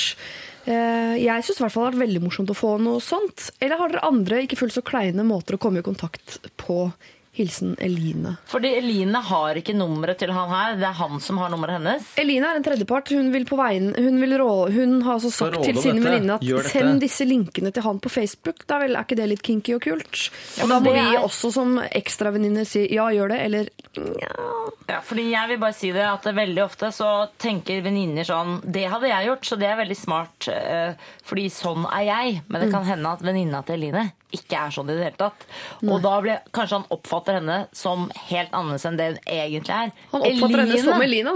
Ja, Eline burde sende ut disse linkene til dette one night standet, tydeligvis. Men hun kan ikke be venninna gjøre det hvis ikke venninna er akkurat sånn. Jeg, jeg, jeg vet ikke om jeg er helt enig, for at eh, jeg, jeg føler at det, det, ligger, det ligger noe i bånn her. Og det er at de har tydeligvis hatt helt fantastisk sex når de møttes. Det tror jeg ikke noe på. Det er aldri fantastisk sex på one night stand. Og nå må du huske at, det, at det er dine personlige mer eller mindre Meritter. relevante meritter det, det er ikke sikkert at det gjelder for alle. Noen kan glede seg over det og ha det gøy med det. Og det, og det er lov. Ja, det er lov. Uh, og det derre Altså, hvis jeg hadde fått Hvis, hvis uh, gitt at jeg hadde vært 25 år singel og hadde fått de linkene, så hadde jeg i hvert fall fått lyst til å ligge med henne igjen. I hvert fall på låta 'I'm a Prostitute', for der måtte du applaudere. Men det kommer jo også litt helt an på hva slags dame hun er her, tenker jeg. altså. Ja. litt sånn, Hva slags forkveld disse her disse to har hatt sammen. da. Fordi det kommer, altså Hvis hun er en sånn uh, Jenny Bibelstrip Mm. som plutselig på for, eller under nachspielene eller hva heter det, One Night Stand har vært sånn, Ja. sånn veldig rolig, så plutselig får du I'm a prostitute, come and I wanna Get touch, get me. ikke sant? Da blir det wow, hva er dette her for noe? Er hun helt ute og kjører? Ja, men men hvis hun liksom har sånn spilt. Hvis hun liksom har spilt dette kortet hele veien, så kan Ja. det jo være litt humor. da. At hun liksom kjører det på videre. Men det kom, jeg vet jo ikke hva hun vil. Hvis hun vil, øh, hvis hun vil ha denne gutten som en fremtidig kjæreste, så tenker jeg å sende ut I'm a prostitute, come get some. Eh, litt da da kan hun ikke bli skuffa hvis han tenker sånn Å, hun skal jeg feie over igjen. Og, Det er, litt sånn, eh, om men, det er, humor i, er det ikke litt sånn om det er humor i det? Om det er litt sant? glimt i det? Men hvis du liksom får en seriøs Denne her må du lese nå, asap. I'm a prostitute. Ikke sant? Det, blir Det er sånn- jævlig gøy. Det er dødskult. Da viser du at du er en morsom dame Du som kan være- server tre låter. da må. Du, ha liksom den, du må være sånn type altså Hvis Sigrid hadde sendt det, så hadde jeg skjønt at det var kødd. Men hvis, hvis det hadde vært noen andre som var liksom superdønn seriøse, hadde fått den, da hadde jeg blitt sånn wow. det skal du er først- faktisk prostituert. Skal du, først sende, skal du først sende låter, så må du jo sende noe Du kan ikke sende Jolene, liksom. Det må jo være noe Enig, du kan ikke sende Sånn, Jolene. så hva skjedde med Takk for sist? Skal vi ta en kopp kaffe? Nei, det går ikke. Nå er vi inne i er, Men er det noen låter som, eh, som har akkurat de tekstene? Takk for sist. Ta en kaffe. Det er sikkert noen sånn 'Sommerfugl i Året vinterland'-låt fra Halvdan Sivertsen som handler om det. Men helt, hvis dere hadde ligget med en jente én gang, og plutselig uh, på Facebook, logger på Facebook tirsdag uh, formiddag, helt uvitende, så kommer renner inn og sier I'm a prostitute. Ja, ja. Hadde, jeg hadde Jeg tenkt hun er Jeg på gæren. hvor er det jeg Jeg hadde- betaler, liksom. Er det jeg, jeg hadde blitt varm inni meg. Jeg tenkte, fy. Du hadde digget Men du hadde lyst til å ligge med henne igjen? Du hadde ikke tenkt sånn dette er hun, vi skal gifte oss? Nei, men det er jo etter en Gutter et Gutter tenker jo ikke sånn uansett. så- Fordi gutter tenker ikke eh, 'vi skal gifte oss' etter et one night stand. Fordi det tror veldig mange damer. Eh, jo, og, og damer får helt hangup på one night stand. Det snakker jeg av egen erfaring. Så jeg tror nå skal vi bli kjærester. Og så har det bare vært one night stand fra hans eh, ståsted. Eller Og til og at med han dårlighet, sier for du sier jo selv at det finnes jo ikke Det finnes ikke god bra. sex i one night stands. ikke, ja, eller jeg syns i hvert fall ikke at det er liksom I'm a prostitute, come and get me-sex. Det er ikke, det er veldig lite sleng meg i veggen og kall meg Solveig over mine one night stand, i hvert fall. De har vært noenlunde bra, men det har ikke vært sånn derre holy macaroni, dette syns jeg var Kall meg Solveig. Hvor kommer det fra? Sleng meg i veggen og kall meg Solveig. Det er klassisk uttrykk som vi Er bruker i, Hjemmet til bonde. på Nordstrand. Men ok, dere. Vi tar eh, altså, er det tommelen opp eller eh, håndbrekket på her? Nei, bare send i vei. Altså, det er jo Tommelen opp fra Håvard. Ja. Send i vei hvis du er sånn. Hvis du ikke er sånn, ikke gjør det. Ja, Tommel Tommel opp. opp hvis du har en tanke med hva du ønsker med dette her. Ok. Eh, Jeg setter på håndbrekket, men det er tre tomler opp, så Eline, dette, det må du bare videreformidle til, eh, til venninnen din. Eh, Eventuelt gjør det sjøl. Eller send det selv også. Ja. Hvis, hvis dere er så gode venner at dere deler sånt. Da. Eh, og si fra hvordan det går. Jeg vil veldig gjerne vite hva, om en uke. Har de ligget sammen igjen, eller har de faktisk giftet seg? Eller har han eh, byttet navn og flyttet på hemmelig adresse? Så Ta det på lufta, ta det jeg på vil vite det. Vi skal høre hele Lykkelig og hennes Little Bit, som vi fikk en liten eh, smakebit av i denne, i denne problemstillingen. For jeg syns den er så fin! At da spiller vi hele. Og mens eh, du sitter og hører på, så formuler gjerne ditt problem, jeg vet du har et, og send det inn på mail eller nrk.no, eller som SMS, det er kodeordet P3, og nummeret er 1987. Du hører på Lørdagsrådet med Siri Kristiansen. The Last med There She Goes, og før hørte vi Lyk Lykkelig og hennes eh, Little Bit, som antageligvis i løpet av dagen vil bli sendt som link til en gutt fra en jente eh, han har ligget med. Eh, på oppfordring fra Håvard Lilleheie, Sigrid Montesvik og Kristian Strand. Men nå går vi videre. Nemlig fått en SMS fra en som heter eh, Lisa, som er 18 år, som lurer på om vi syns det er greit om kjæresten ser på porno. Hun har nemlig oppdaget at det gjør kjæresten hennes. Vi skal snakke med Lisa. God morgen. Hallo. Hei, Lisa. Hei, hei. Hvordan, eh, hvordan busta du kjæresten din i å se på porno?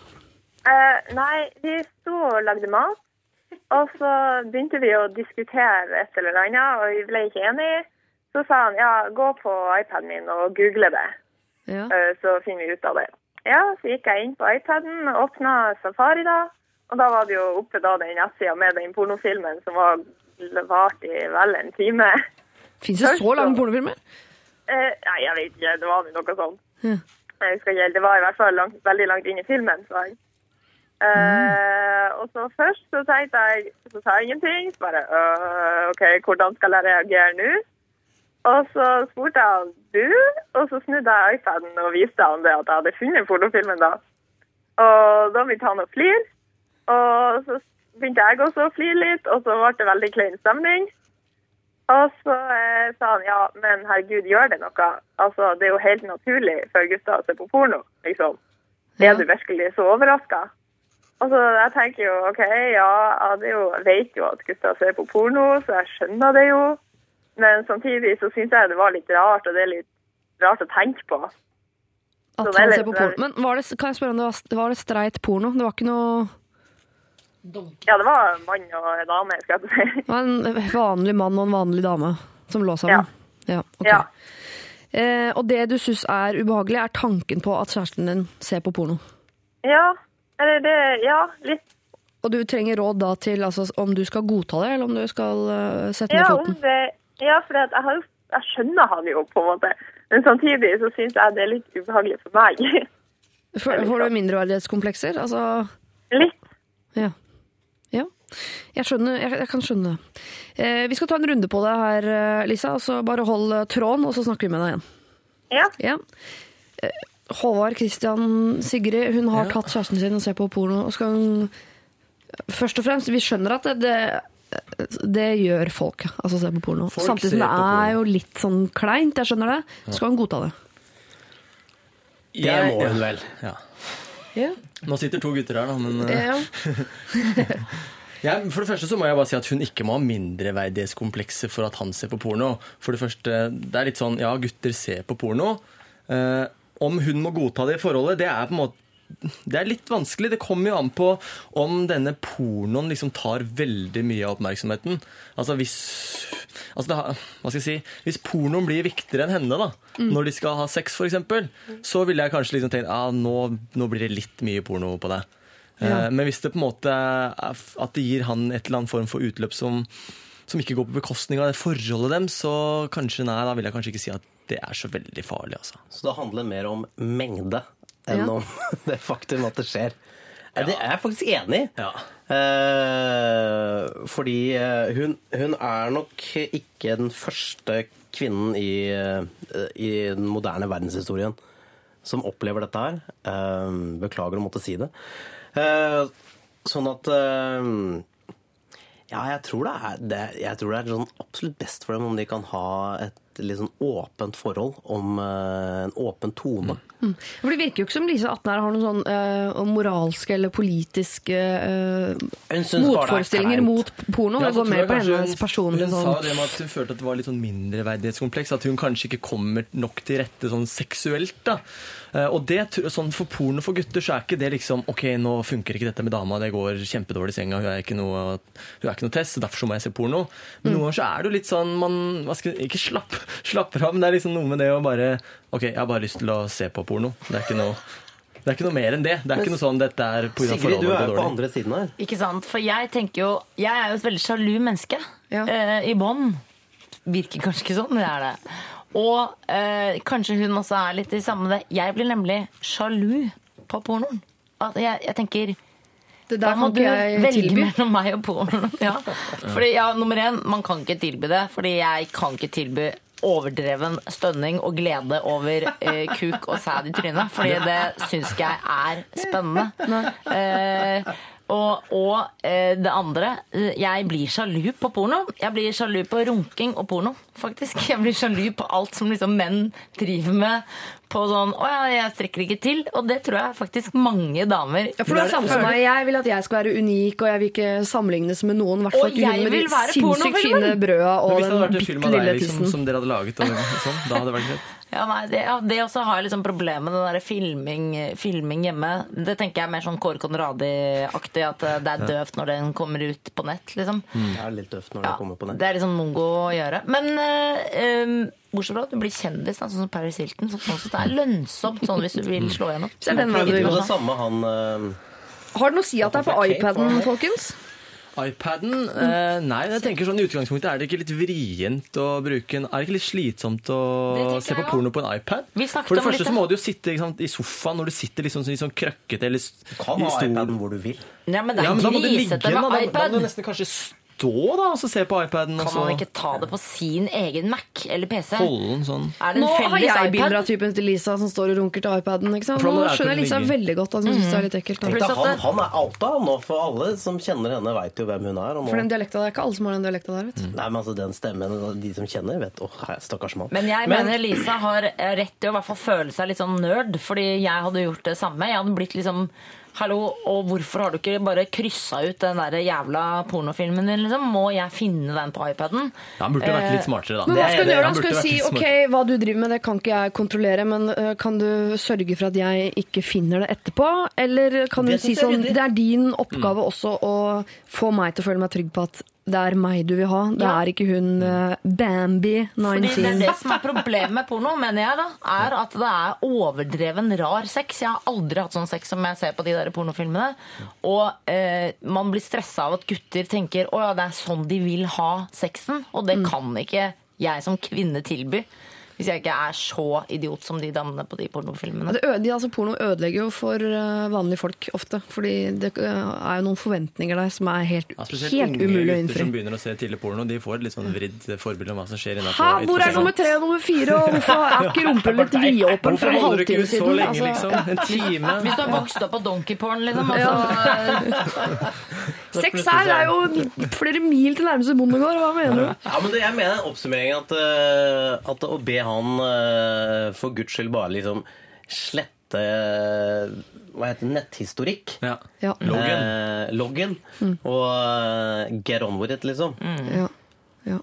Lisa, eh, nå har du sittet og hørt på Det blir jo fjaste med en gang vi får muligheten til å snakke om porno, selvfølgelig. For det er jo eh, Vi er jo ikke midt i problemet, så det er lett for oss å sitte og fjase. Men er det noe her du tenker at du kan bringe videre? Ja, jeg kan jo i hvert fall be han om å lukke nettleserne når han er ferdig. Og skjule litt bedre, kanskje. Ja, for det er, altså Etter en sånn seanse så er det en del opprydning som skal til. og Det involverer både det lille krysset og øverste hjørnet og en runde med dopapir. og Ikke sant? Det er en del sånn, Ja. Etter man har lekt, så må man rydde. ja. Kommer du til å si det til han? Er han såpass eh, fin fyr at han godtar det der? ja, det tror jeg nok. Og du kan leve med at han ser på porno? Ja, Ok. det er vel bare en del av gamet. Bare at, at det ikke blir så synlig. Men for du kommer, ikke, det er ikke, du kommer ikke til å begynne å se på sammen? nei, nei, nei. Der går grensa. Der går det så. Ja. Men eh, Lisa 18, jeg, da ønsker jeg deg lykke til. Prøv, prøv å glemme at han ser på porno, og tenk at han er bare som menn flest. Ja, Ja. det skal jeg gjøre. Tusen takk. Bare hyggelig. Vi går videre med en annen ung eh, jente som helt sikkert også eh, har holdt på med menn som ser på porno. Dette er eh, Lale og hennes eh, Sam Dayan. Lørdagsrådet Lale har vi hørt, og hennes eh, Sam Dayang, en låt som har blitt eh, lovprist og skamrost. Ikke bare i verdenssammenheng, men også her inne i Lille Lørdagsrådet nå de siste tre og et halvt minuttene som den låta varer. Eh, elsker. Gjør det. Det er nydelig, nydelig, nydelig låt. Nydelig. Altså, jeg er Sunget veldig glad i den. ja. Som jeg sa, jeg kan ikke synge et helt refreng uten å begynne å gråte på den låta der, selv om jeg ikke har noe personlig relasjon til teksten hun synger.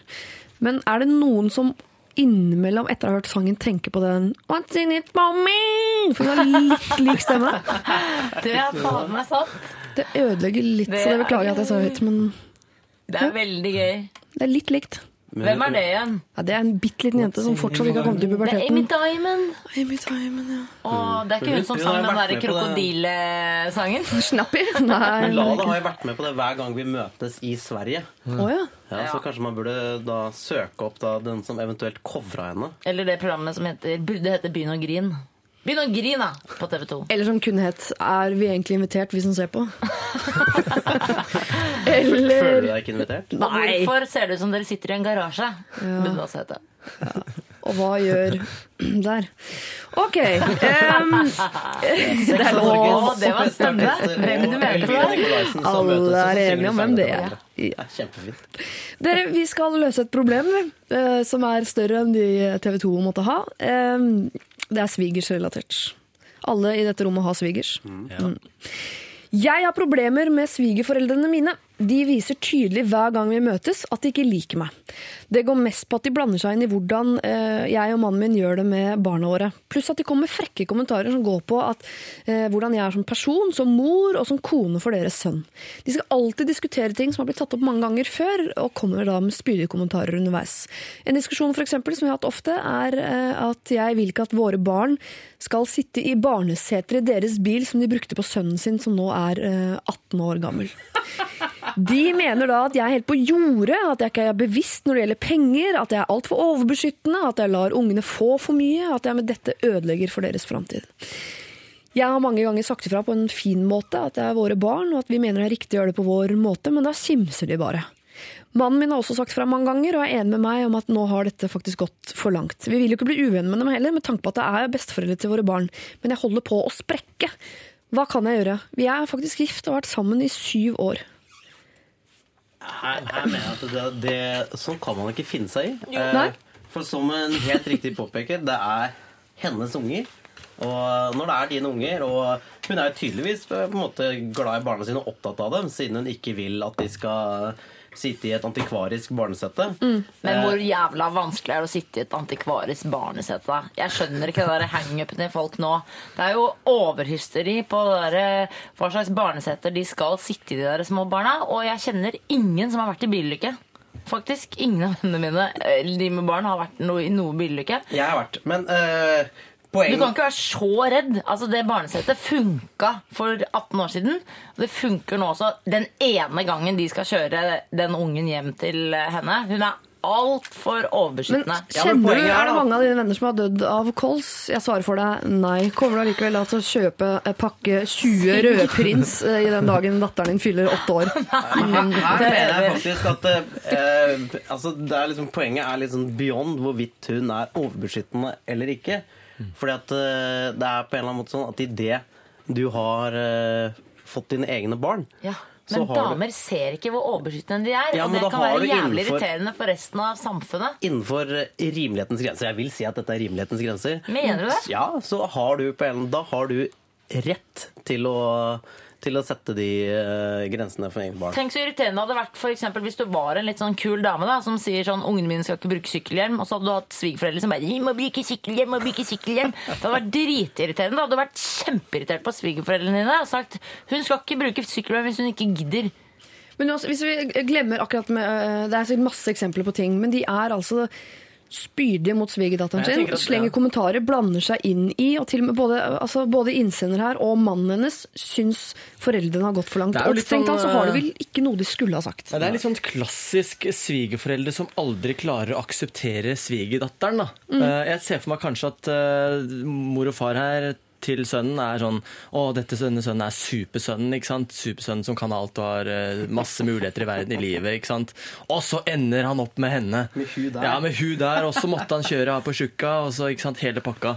Så har de liksom aldri akseptert henne. Men det er traditsi. Eh, Altså, ja, det man er skal traditsi. jo ikke like Ja, men noen, svigerdattera si. men noen ganger så er det sånn noen gir seg etter å ha møtt svigerdatteren et par I hvert ganger. fall i syv år, får to barn. Det men virker når som det blir er år, da er det sånn du er fortsatt ikke verdt sønnen min, liksom. Sønnen Mhm. min kunne funnet så mye bedre, og det er det de liksom på en eller annen måte kanskje prøver å fortelle denne sønnen. Men han er jo så superforelska, så han står jo opp for, eh, for kona si. Eh, men dette er litt sånn tradisjonelt, tenker jeg, at eh, vi kommer aldri til å akseptere henne, uansett om hun baker cupcakes, eller om vi kjører det, den barnevogna, eller Ingenting er bra nok, da. Nei. Uansett. Men jeg tror mener at man heller ikke skal bake så mye cupcakes Ikke. til svigerforeldrene sine. Man skal faktisk ikke streve så mye med å bli likt, for det, det har ingenting med den du har falt for. Jeg mener bare at man skal liksom oppføre seg litt sånn som man gjør med kolleger. At man tenker sånn ja, ja, jeg må forholde meg til dere nesten hver dag på jobb, liksom. Mm. Jeg hadde ikke Jeg vil ikke henge med kolleger altså, Det er ikke Jeg ville veldig ikke mange valgt kolleger. dere. Ikke sant? Du Nei. velger jo ikke sånn Å, jeg elsker å henge med kollegaene mine i helgene. og sånn. Det gjør veldig sjelden folk, hvis ikke er det gode sånne kompiser og sånn.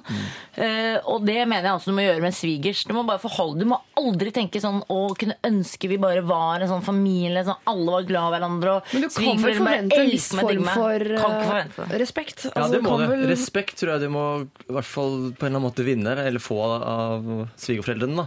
Men det er jo litt sånn her opp til eh, svigerforeldrene også. Slutt å være så barnslig, liksom. Ja, vet du, Slutt å være så barnslig. Altså, her har han funnet en dame som han liker godt, vært sammen i syv år, fått barn og sånn.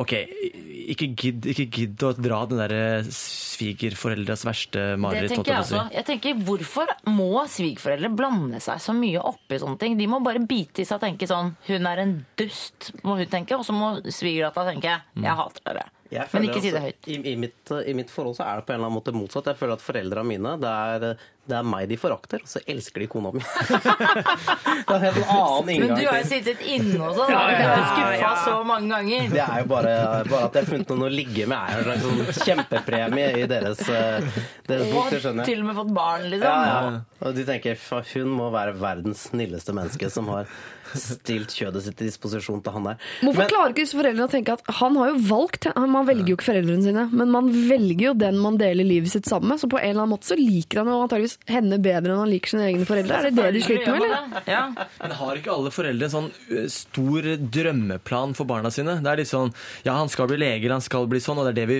prøver og håper han blir. Men så kommer han og sier at nei, jeg har bare lyst til å tegne jeg, hele livet mitt. Mm. Ikke sant? Det er litt sånn, Du velger noe, men foreldrene tenker hele veien du kunne ha gjort så mye bedre. Jeg syns det med trolldeig var gøy. mamma. Ja, ikke Jeg Ja. det. Ja. men, Men hvordan skal hun få Det hun vil, er å stoppe kjeften på svigerforeldra sine. Sette Eller tydelige krav. Ja. sette Man må bare krav. si fra. Vi, fra nå skal ikke vi snakke om sånne praktiske ting. Mm. Også, men jeg syns det der barnesettet, det må hun tåle, altså. Unnskyld meg. Å tåle barnesetter, men Ja, må, kan vel ikke barnesetet. Det tåle er- disse det er frekke ikke- kommentarene og De setter jo ikke ungene og drar på sekstimerstur i det barnesettet. Jeg er helt sikker på at det der er en eh, 100 meters tur. Som hun til fra barnehagen. Ja.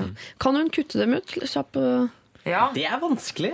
Det er vanskelig med svigerforeldre, for der har man jo også et slags sånn eh, Det er jo, Ja, det er sant. jo et det er krav sånn der òg, man må, jo, man må jo forholde seg til, eh, til eh, sin partners foreldre. Og så er det gode barnevakter. Forhåpentligvis. Altså, Jeg tror at mannen må si fra. det har han gjort. Ja, men han må si fra enda mer. Han, han tror at han har sagt fra. Han sier sånn 'Jeg har sagt fra'. Nei, Ja. du har ikke sagt fra ordentlig. Og du må, det, det han må si, han må si 'Jeg har valgt hun her'. Mm. Dette er den kule dama. Jeg har ikke valgt Du velger jo ikke foreldrene dine. Det er jo det som er problemet her. Men man må Burde altså prøve si, å være litt Kan han stille ultimatumet sånn Nå har jeg valgt henne, og jeg er i ferd med å velge dere bort. Ja, Gratulerer med det, nerds. det er det han må si. Jeg tror også på sånn generell basis litt, i hvert fall når, eh, når mora og faren min har, eh, har lille Nils, Mm. så, så legger ikke jeg meg så mye opp i hvordan de gjør ting. Men det gjør jo kona di. fint. Mye Nei, nei. mer. Nei, ikke i det hele tatt. Nei, ok, Men det fins jo damer. Du ser jo, Det Mm. finnes jo damer rundt deg som det gjør da, det. nå er det dere som har ansvar. Da er det ansvaret gitt dere. Eh, Lykke til. Og så går det. Ja. Jeg leverer han i en bit. Og Fint. forventer å få han tilbake. Maks Samme- to. Uten at han har lært masse sånn eh, moral som er feil og sånn. Feil moral. Det er, jo- det er jeg som må i har hvert fall, Du er nødt til å få stoppa kjeften på svigerforeldrene. Det er, Og det er du ikke har blitt ditt valgt, ansvar. og dere har valgt å få barn, og dere har valgt hverandre i det hele tatt. Eh, Og jeg skjønner at det er vanskelig å kutte ut svigerforeldre. Og så vil jeg også uh, bare si sånn erfaringsmessig at barn oppfatter når foreldre misliker sine foreldre. Og det der uh, går nok i arv. Så man skal være litt forsiktig med hvordan man snakker til besteforeldre.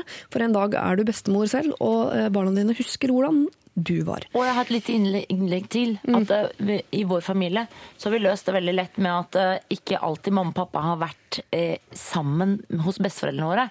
Eh, veldig ofte så hadde vi somre der pappa var hos sin mor alene med oss, sånn at det ikke ble veldig mye svigerdatteropplegg. Som jeg mener må man alltid være hos svigerfamilien sin. Nei, man kan la far tar med barna til sine foreldre, og så kan man ha alenetiden med cupcake og god stemning. Og så har det også kommet inn en SMS der det står 'Kjøp eit jævla barnesete til gamlingene sjøl da'. Uh, og det blir siste replikk i den uh, debatten. Ja. For vi skal videre med Paramore vi, og deres Renegade her i Lørdagsrådet. Ønsker du å nå oss, gjør det gjerne med SMS. Kodeordet er P3, og nummeret er 1987. Gratis på mail eller alfakrøll.nrk.no. Jeg aner ikke hva denne låta handler om, The Seed, men jeg vet at det er The Roots sammen med Cody Chestnut som fremfører den, og at den er en eh, god gammel klassiker som turer og går her eh, på P3.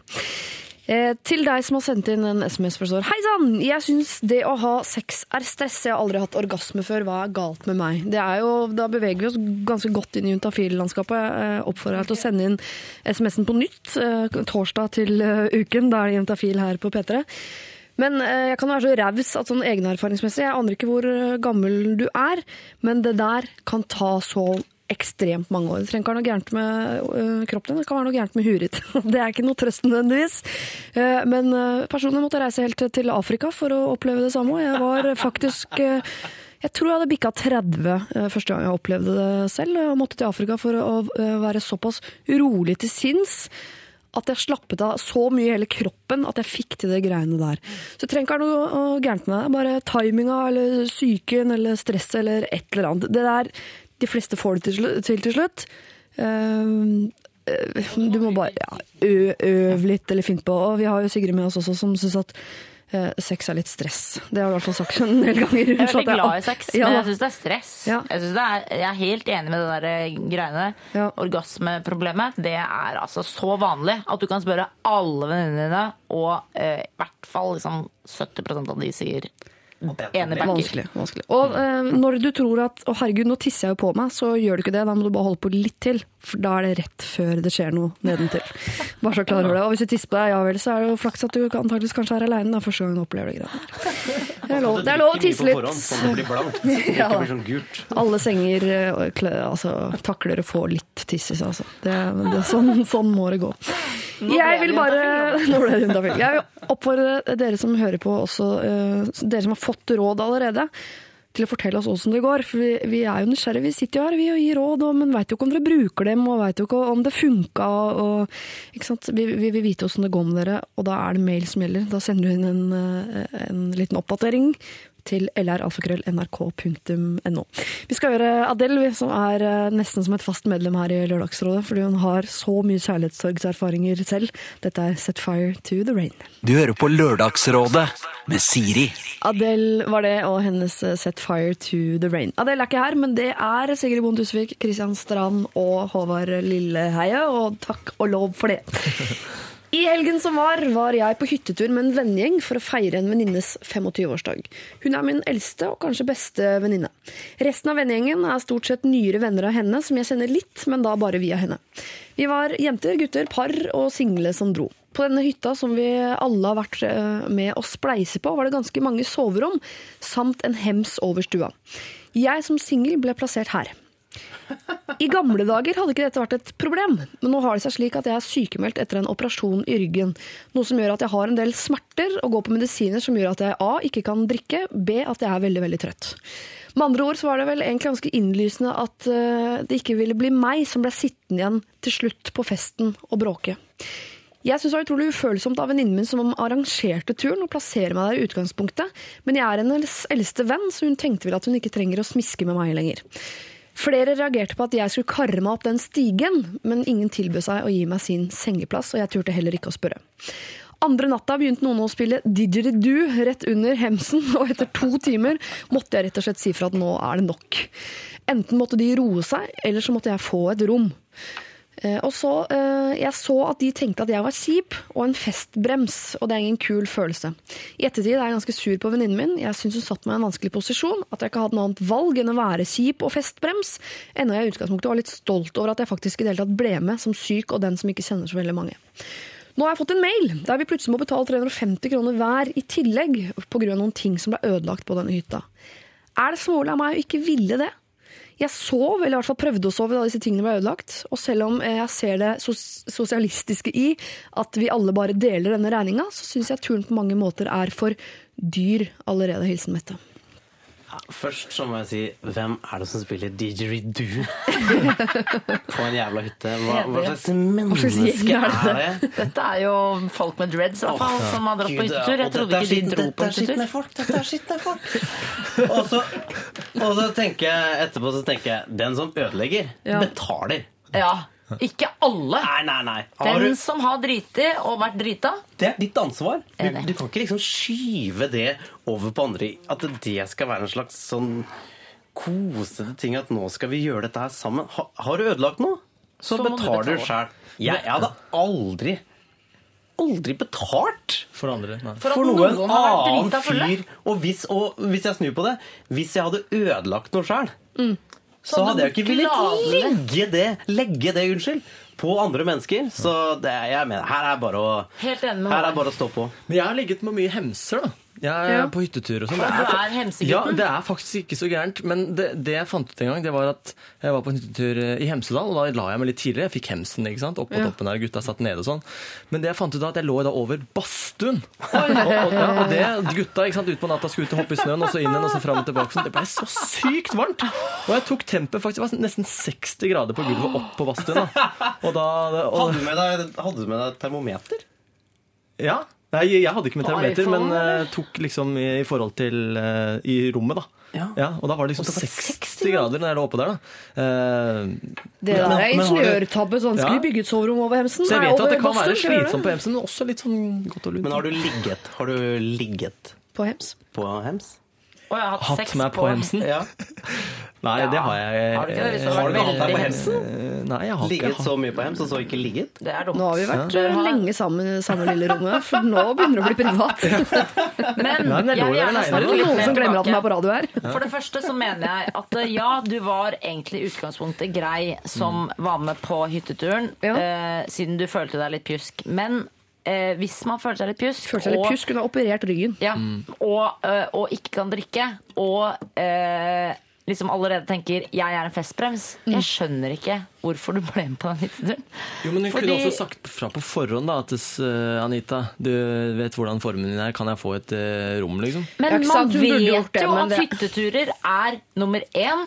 Det er bråkete. Det er en hytte, det er ikke gode vegger. Eh, Så eh, selv om du hadde fått et rom et annet sted, så hadde du også følt at eh, to timer med didgeridoo er crap, liksom. Nummer synes- to, ja. du kan ikke drikke. Hva er det folk i Norge gjør på hyttetur? De drikker og drikker og drikker og drikker, og noen drikker hele turen. Altså, Men jeg syns det er litt kult at hun faktisk ble med, da, selv om hun er dårlig. Altså, det er litt sånn, Jeg har jo venner som er dårlige, og mange av dem skylder, ikke skylder på det, men liksom blir litt sånn Ok, jeg kan ikke være med i dag, jeg er litt dårlig. Så plutselig så kommer hun dama her og har knekt ryggen og operert og går på alt eh, hva det nå er, og bli med liksom på denne ene turen da, som bestevenninna har fiksa.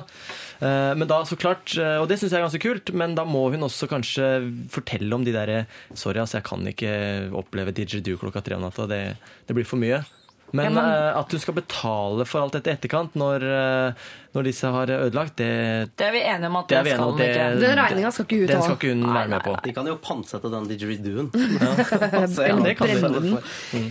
Eh, Men tenker det, ja, Sigrid, du tenker at hun er litt uh, festbrems, ikke har lov til å være sur på venninnen sin, som har plassert altså, en ryggoperert dame oppå en hems Jo, er over en bråkete fest? Men da er, du, da er du skikkelig feig som ikke tør å si fra til din aller eldste venninne. Da hadde jeg sagt til den eldste venninna mi eh, Er det ikke litt rart at jeg med operert rygg skal ligge på hemsen?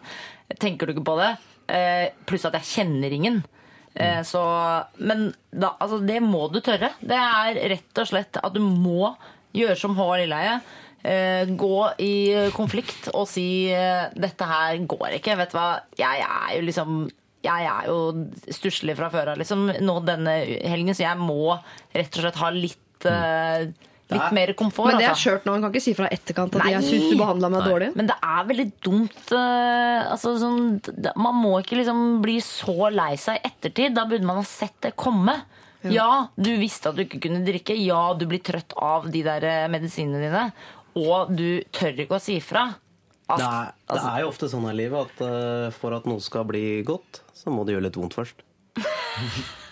Men så hvor mye er disse 350 Hvis det, hvis det blir et veldig veldig stort problem, da, så er liksom hvor mye er disse 350 kronene verdt? da? De er ikke verdt en dritt. Nei, eh, det ikke, skal ikke betale det der. Ikke hvis det blir veldig mye problemer? eller? Jo, jo, nei, ikke i det hele tatt. Du skal si det var ikke Altså, det er som Det var ikke meg. Hallo, hvis du, er, hvis du er drita og har ødelagt noe, så det hun er er redd det for, du er som at de syns jo hun er døv allerede. Ja, og antakeligvis de synes hun er enda døvere når alle andre bare setter inn de 350 kronene. Men hun må Så lage et hun- nummer ut av det. Først lager hun et nummer ut av det ligger og syter Ja, på semsen der. Og så skal hun lage et nummer ut av de 350 kronene i Ja, det må hun si til venninna si. Det må hun si, det gidder ikke jeg å betale. Unnskyld meg, det er du som har Men hun, didgeridoo-venninner. turte, hun ville jo ikke si i forkant at ja, gi meg et rom. Så det kan hende, jeg skjønner at det kan være vanskelig for henne. Dette er, sorry, jeg betaler ikke de 350 også. Jeg hadde bare Men- ikke gjort det og venta på purring. Ja, bare Enig. ignorere, liksom. Land som ingenting. Send meg en inkasso, din Ikke eller sant? Oi, oi, oi. Lykke til, eh, eh, Mette. Ja. Eh, jeg, jeg, det er Vi ingen her heier som på syns du skal henne. betale de Vi heier på pengene. henne. Vi heier på deg og håper at du snart blir bra i, i ryggen din. Eh, Chris Brown dette her, og hans Turn Up The Music. Eh, Han er altså tilbake, denne Chris. Lørdagsrådet Kelis var dette her sammen med Calvin Harris og deres Bounce, som jo eh, i mitt hode bringer tilbake bilder av meg selv iført sånn mikrofiberbukse med mikrofiberskjørt utenpå, som står og danser i hans kjeller, den svøm, klassiske svømmedansen som han drev med en stund. Dansa du mye? Eh, Jeg har danset én periode i livet mitt, og det var eh, teknoperioden. fordi da, Det er så lett å danse til tekno, for det er så tydelig rytme at du skal være virkelig helt ute for ikke å få det til. Ja, det er urrytmen. Da danset jeg. eh, var det alle dansa, liksom? da var det alle dansa, for du kunne egentlig bare stå og riste, og så var det greit, det også. Eh, ikke danset før eller siden, skal sies. Eh, og, og så hørte vi også Chris Brown hans Turn Up The Music, altså eksen til uh, Rihanna, visstnok på dealeren igjen. Det er hyggelig, da. Gratulerer. Jeg vet ikke hva jeg syns er så hyggelig. Rihanna, send oss en mail, for det greiene der er ikke bra. Eh, vi skal ta et eh, siste problem i Lørdagsrådet i, i dag. Eh, eh, skal vi se Jeg må bare finne det først. Ja, det ja, vi har god tid. Jeg kan eh, skyte inn at eh, det er en veldig billig form for Restylane hvis du er sammen med Chris Brown, for du får veldig hovne lepper eh, tydeligvis av å være sammen. Så du får liksom sånn gratis Botox og Restylane. Alt blir jevnet ut, bare hovent. I Lørdagsrådet i dag Ike Turner. Eh, Hallo! Nå har jeg funnet problemet. Jeg har et problem jeg tror mange kan identifisere seg med. Jeg lurer nemlig på hvordan man på en god og taktfull måte kan avslutte en samtale på fest. Som regel er det ikke ønskelig å sitte i samme sofahjørne resten av kvelden. Man har snakket ferdig og vil bevege seg videre. Og jeg lurer på om dere da har en bedre måte å avslutte, avslutte samtalen på enn den der 'jeg skal bare hente meg en ny øl', eller 'jeg skal bare si hei til en kompis'. Takk for hjelpen. Med vennligheten Herman Vesterum Thorsen. Altså, dere vet, Man har jo jugd sånn 'Å, jeg må tisse', eller 'jeg må hente noe på kjøkkenet', eller altså, Man har sånn, jugd seg ut av en sofakrok for å ha muligheten til å, å snakke med noen andre. Eh, Håvard Lilleheie, Sigrid Bonde Tusvik, Kristian Strand, er det noe, har dere Jeg pleier å, Hvis jeg er på fest, og jeg vet at dette er en samtale jeg ikke, ikke ønsker å være i så veldig mye lenger, da, Mm. så pleier jeg å inkludere inn andre. Det syns jeg ofte funker litt. La oss si at jeg sitter i sofaen med en eller annen jente eller gutt, og så går praten litt sånn på tomgang, og så tenker jeg, så ser jeg noen som kanskje kommer ved siden av, eller eh, sitter ved siden av, eller noe sånt, og så prøver jeg å inkludere de, og så begynner samtalen kanskje å vri seg litt, grann, og da kan jeg på en måte føle at exiten er grei. Da kan jeg gå og hente meg en ny pils, og så kan de prate sammen. Mm. Og ofte da så er det jo en kamerat av meg som heter Frank, som ofte jeg er sammen med ute. Som må må ta den støten litt innimellom. Fordi jeg, jeg må rett og slett bare bevege meg videre. Og da får han alle disse samtalene, og det får jeg høre etterpå. da. Jeg visste det var noe med hun eller han, og så må Altså, han sitte Frank der. beveger seg i kjølvannet, det kjedelige kjølvannet av deg. Ja, men han er så nei. flink ja, men nei, men han er så veldig flink til å ta eh, samtalen og la de bli interessante på en eller annen måte. da. Oh, ja. Eh, han finner enten med deg jobb eller ja, et eller Han er bedre enn deg på smalltalk, rett og slett. Ja, fall, ja, kanskje akkurat på det. Og, og syns det er veldig hyggelig å møte folk. Det er koselig. Det er, Ja. ok, så det trikset er at du må ha en kompis. Frank. Du Ja, må ha en Frank. du må ha en Frank, og så må du ha en wingman, litt sånn, enten om du skal finne en dame, men også for å komme deg litt unna. Nei, men det er jo mange sånne Vi snakka jo om one night stand eh, tidligere i sendinga, og det er jo, det er gjort det siden, si. mange, Ja. det er jo mange sånne samtaler som ender i et one night stand. Da har vi ikke mer å prate om. Da går vi hjem. Jo, men her er det, altså Herman han, eh, det virker, han sier ikke noe om han syns det er kjedelig. eller sånn. Han er bare en fyr som har lyst til å snakke med mange i løpet av en kveld. Ja, og det er jo, sant. jeg er en typisk sånn som, som blir stuck. Der jeg setter meg når jeg kommer, det er der du finner meg eh, rett før jeg drar. Altså, jeg beveger meg så veldig lite rundt på innom, fest. innom ja. deg. Ja. Ja, det er jo altså ja, folk har jo ofte en tendens til å være utrolig kjedelige. Mm. Det, er jo, det er jo et faktum. Eh, det, det må vi bare leve med. Det er sånn samfunnet er bygd opp, og vi må akseptere det. Mm. Eh, og Da må jeg, jeg, rottetrikset. det må jeg bare si om det Skal jeg bare gå videre? Eller er det Jeg sier eh, hvor, øl hvor, og redd, ja, hvor redd har man lov til å være for å såre fremmede folk? Og så litt hva slags, fest, hva slags fest det er òg. Hvis det er en sånn liten leilighet. Det er jo ikke så mange steder å gå. Eller sånn, nei, jeg må bare gå, og så, så er det liksom bare 17 kvadrat. Det er et helvete. Hvor nødvendig er det også? For jeg skjønner man kan si sånn Du, nå har jeg lyst til å snakke med noen andre. Men det er jo ikke noe vits i å si det. Man kan jo liksom bare Ikke sant? Og her føler jeg igjen at det amerikanske samfunnet har kommet et steg videre. Fordi at eh, minglekynismen er på en eller annen måte satt i system. Ja. Eh, så det er dit vi må komme. At det er på en eller annen måte forventa at du etter å ha utveksla sånn høflighetsfraser med et menneske, så, så bare Ja, du, hyggelig å hilse på deg. Fortsatt fin kveld. Og så går du videre. Og så bare går du videre. Og det er jo ingen som har rett til å bli såra over det. Jo, man blir det i Norge. Blir såra, ass. Men så merker jeg også på noen sånne ting, da, la oss si sånn jobbting, eller sånne folk som vi jobber ofte med, der, der får du jo aldri tid til å snakke med noen. Der er det bare hei, og så er du rett videre. Ja. Ikke sant? Så da, det er litt sånn ja, hva slags folk du er sammen med også. Noen skjønner med en gang at ok, vi skal ikke ha den verdens dypeste samtalen nå. nå kan, vi vet at folk skal mingle litt. Og Men jeg kjører tissetrikset alltid. Jeg. Alltid. Jeg må tisse. Jeg må tisse. Jeg må gå og tisse. Du, altså, det er så Du kan aldri nekte noen å tisse. Ja, Det er vanskelig å kontrollere òg. Ja, så det er bare, det er ikke din feil engang at du må gå. Det er kroppen som har sagt ifra. Det er genialt. Du er avhengig av at det er et toalett der, da. Selvfølgelig. Eller kan man si uh, Vi snakkes seinere, jeg må bare Og så pek, jeg må bare Og så lar du det henge i lufta, så går du. Jeg går en tur, jeg. Jeg går og hilser på noen andre. Eller går Men det blir, altså, i det du bare sier 'jeg må bare', da Ja. har du jo da har du jo vært kjip mot Ja. vedkommende du snakker med. Så Du du må kan jo eventuelt si 'Har du sett Christian', for eksempel? For jeg skal uh, må uh, Han må jeg finne. Jeg må finne han nå. Hvor er Christian egentlig? Har du sett Christian Strand her? Christian Strand? Og jeg er veldig sjelden på fest med Christian Strand. uh, Så da vil folk si nei. Ok, men da må jeg lete etter Ja, men nå må jeg lete etter Christian. Men altså det Oppsummeringen blir å tisse eller gå og hente øl. Altså på en måte ha Det er de han har fast allerede. gjøremål. Ja, men det er de skal holde seg jeg drar inn litt den dra inn noen folk, altså. Ja, Involver flere i Få samtalen. Ja, få liksom, La samtalen gå utover deg og en person til. Få inkludere mange. Da kan du rolig ta den derre Men du har jo Frank. Du er jo ja. Ja, ja. Frank. Folk ikke klarer å, hvis folk ikke klarer å underholde deg, så får de ta skylda sjæl. Ah, Ja, det, Dere får det til å høres så enkelt ut, men jeg syns også man kan ta en runde opp i hodet sitt på uh, hva som er kjedelig og hva som ikke er kjedelig også. For jeg syns ikke Det virker som det er liksom, uh, felles konsensus nå at det er kjedelig å snakke om jobb, f.eks. Jeg syns det er interessant å høre hva folk driver med. Jeg syns det er helt urettferdig med en gang man begynner å snakke om jobb, så er det sånn Å ja, nå er det på smalltalken igjen, det er døvt, jeg går videre. Å, jeg må tisse, jeg må hente en øl, og så har jeg forsvunnet Hvor er ut. Frank? Ja, hvor er Frank? Hvor er Frank? Å, nå skjønner jeg endelig hvem denne Frank er. Ja, ja. Jeg håper du fikk noen gode råd, i hvert fall. Lørdagsrådet. Susanne Sundfør der og hennes eh, White eh, Foxes. Kan du fortelle Håvard at han har tidenes mest sexy stemme? Hilsen en som gjerne skulle tatt ham bakfra. Oi.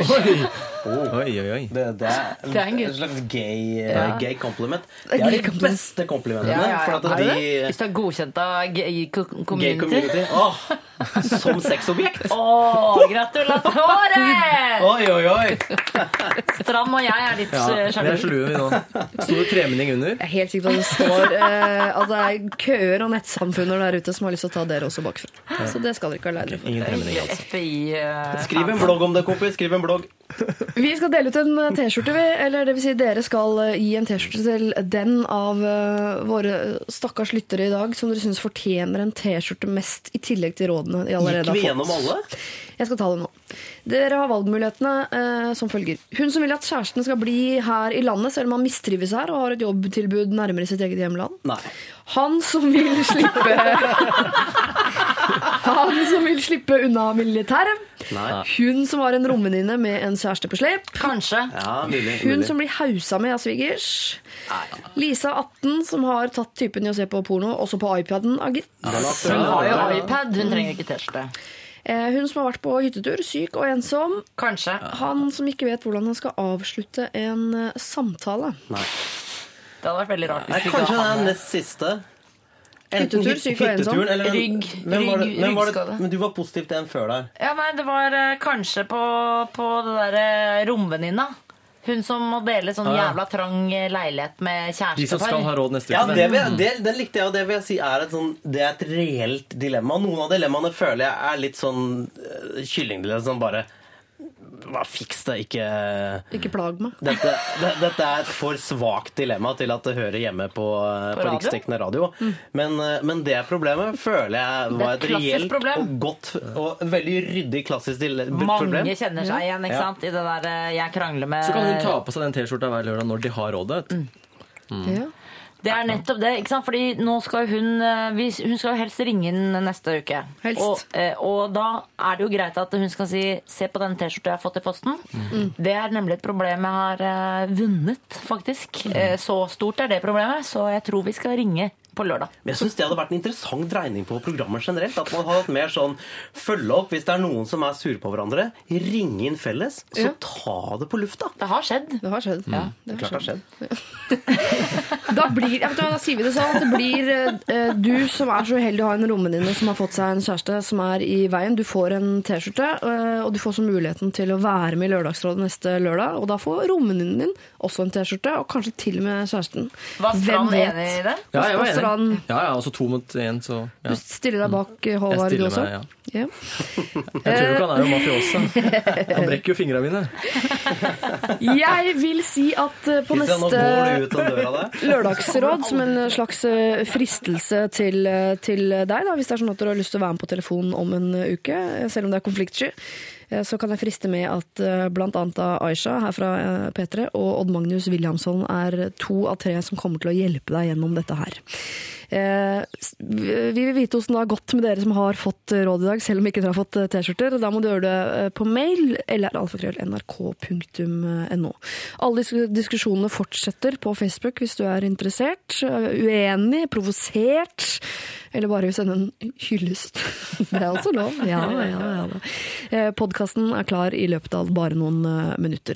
Tusen takk, Kristian Strand, Sigrid Montusvik, Håvard Lilleheie. Eh, Vi ses snart igjen. God lørdag! God lørdag! Du hører nå en podkast fra NRK P3.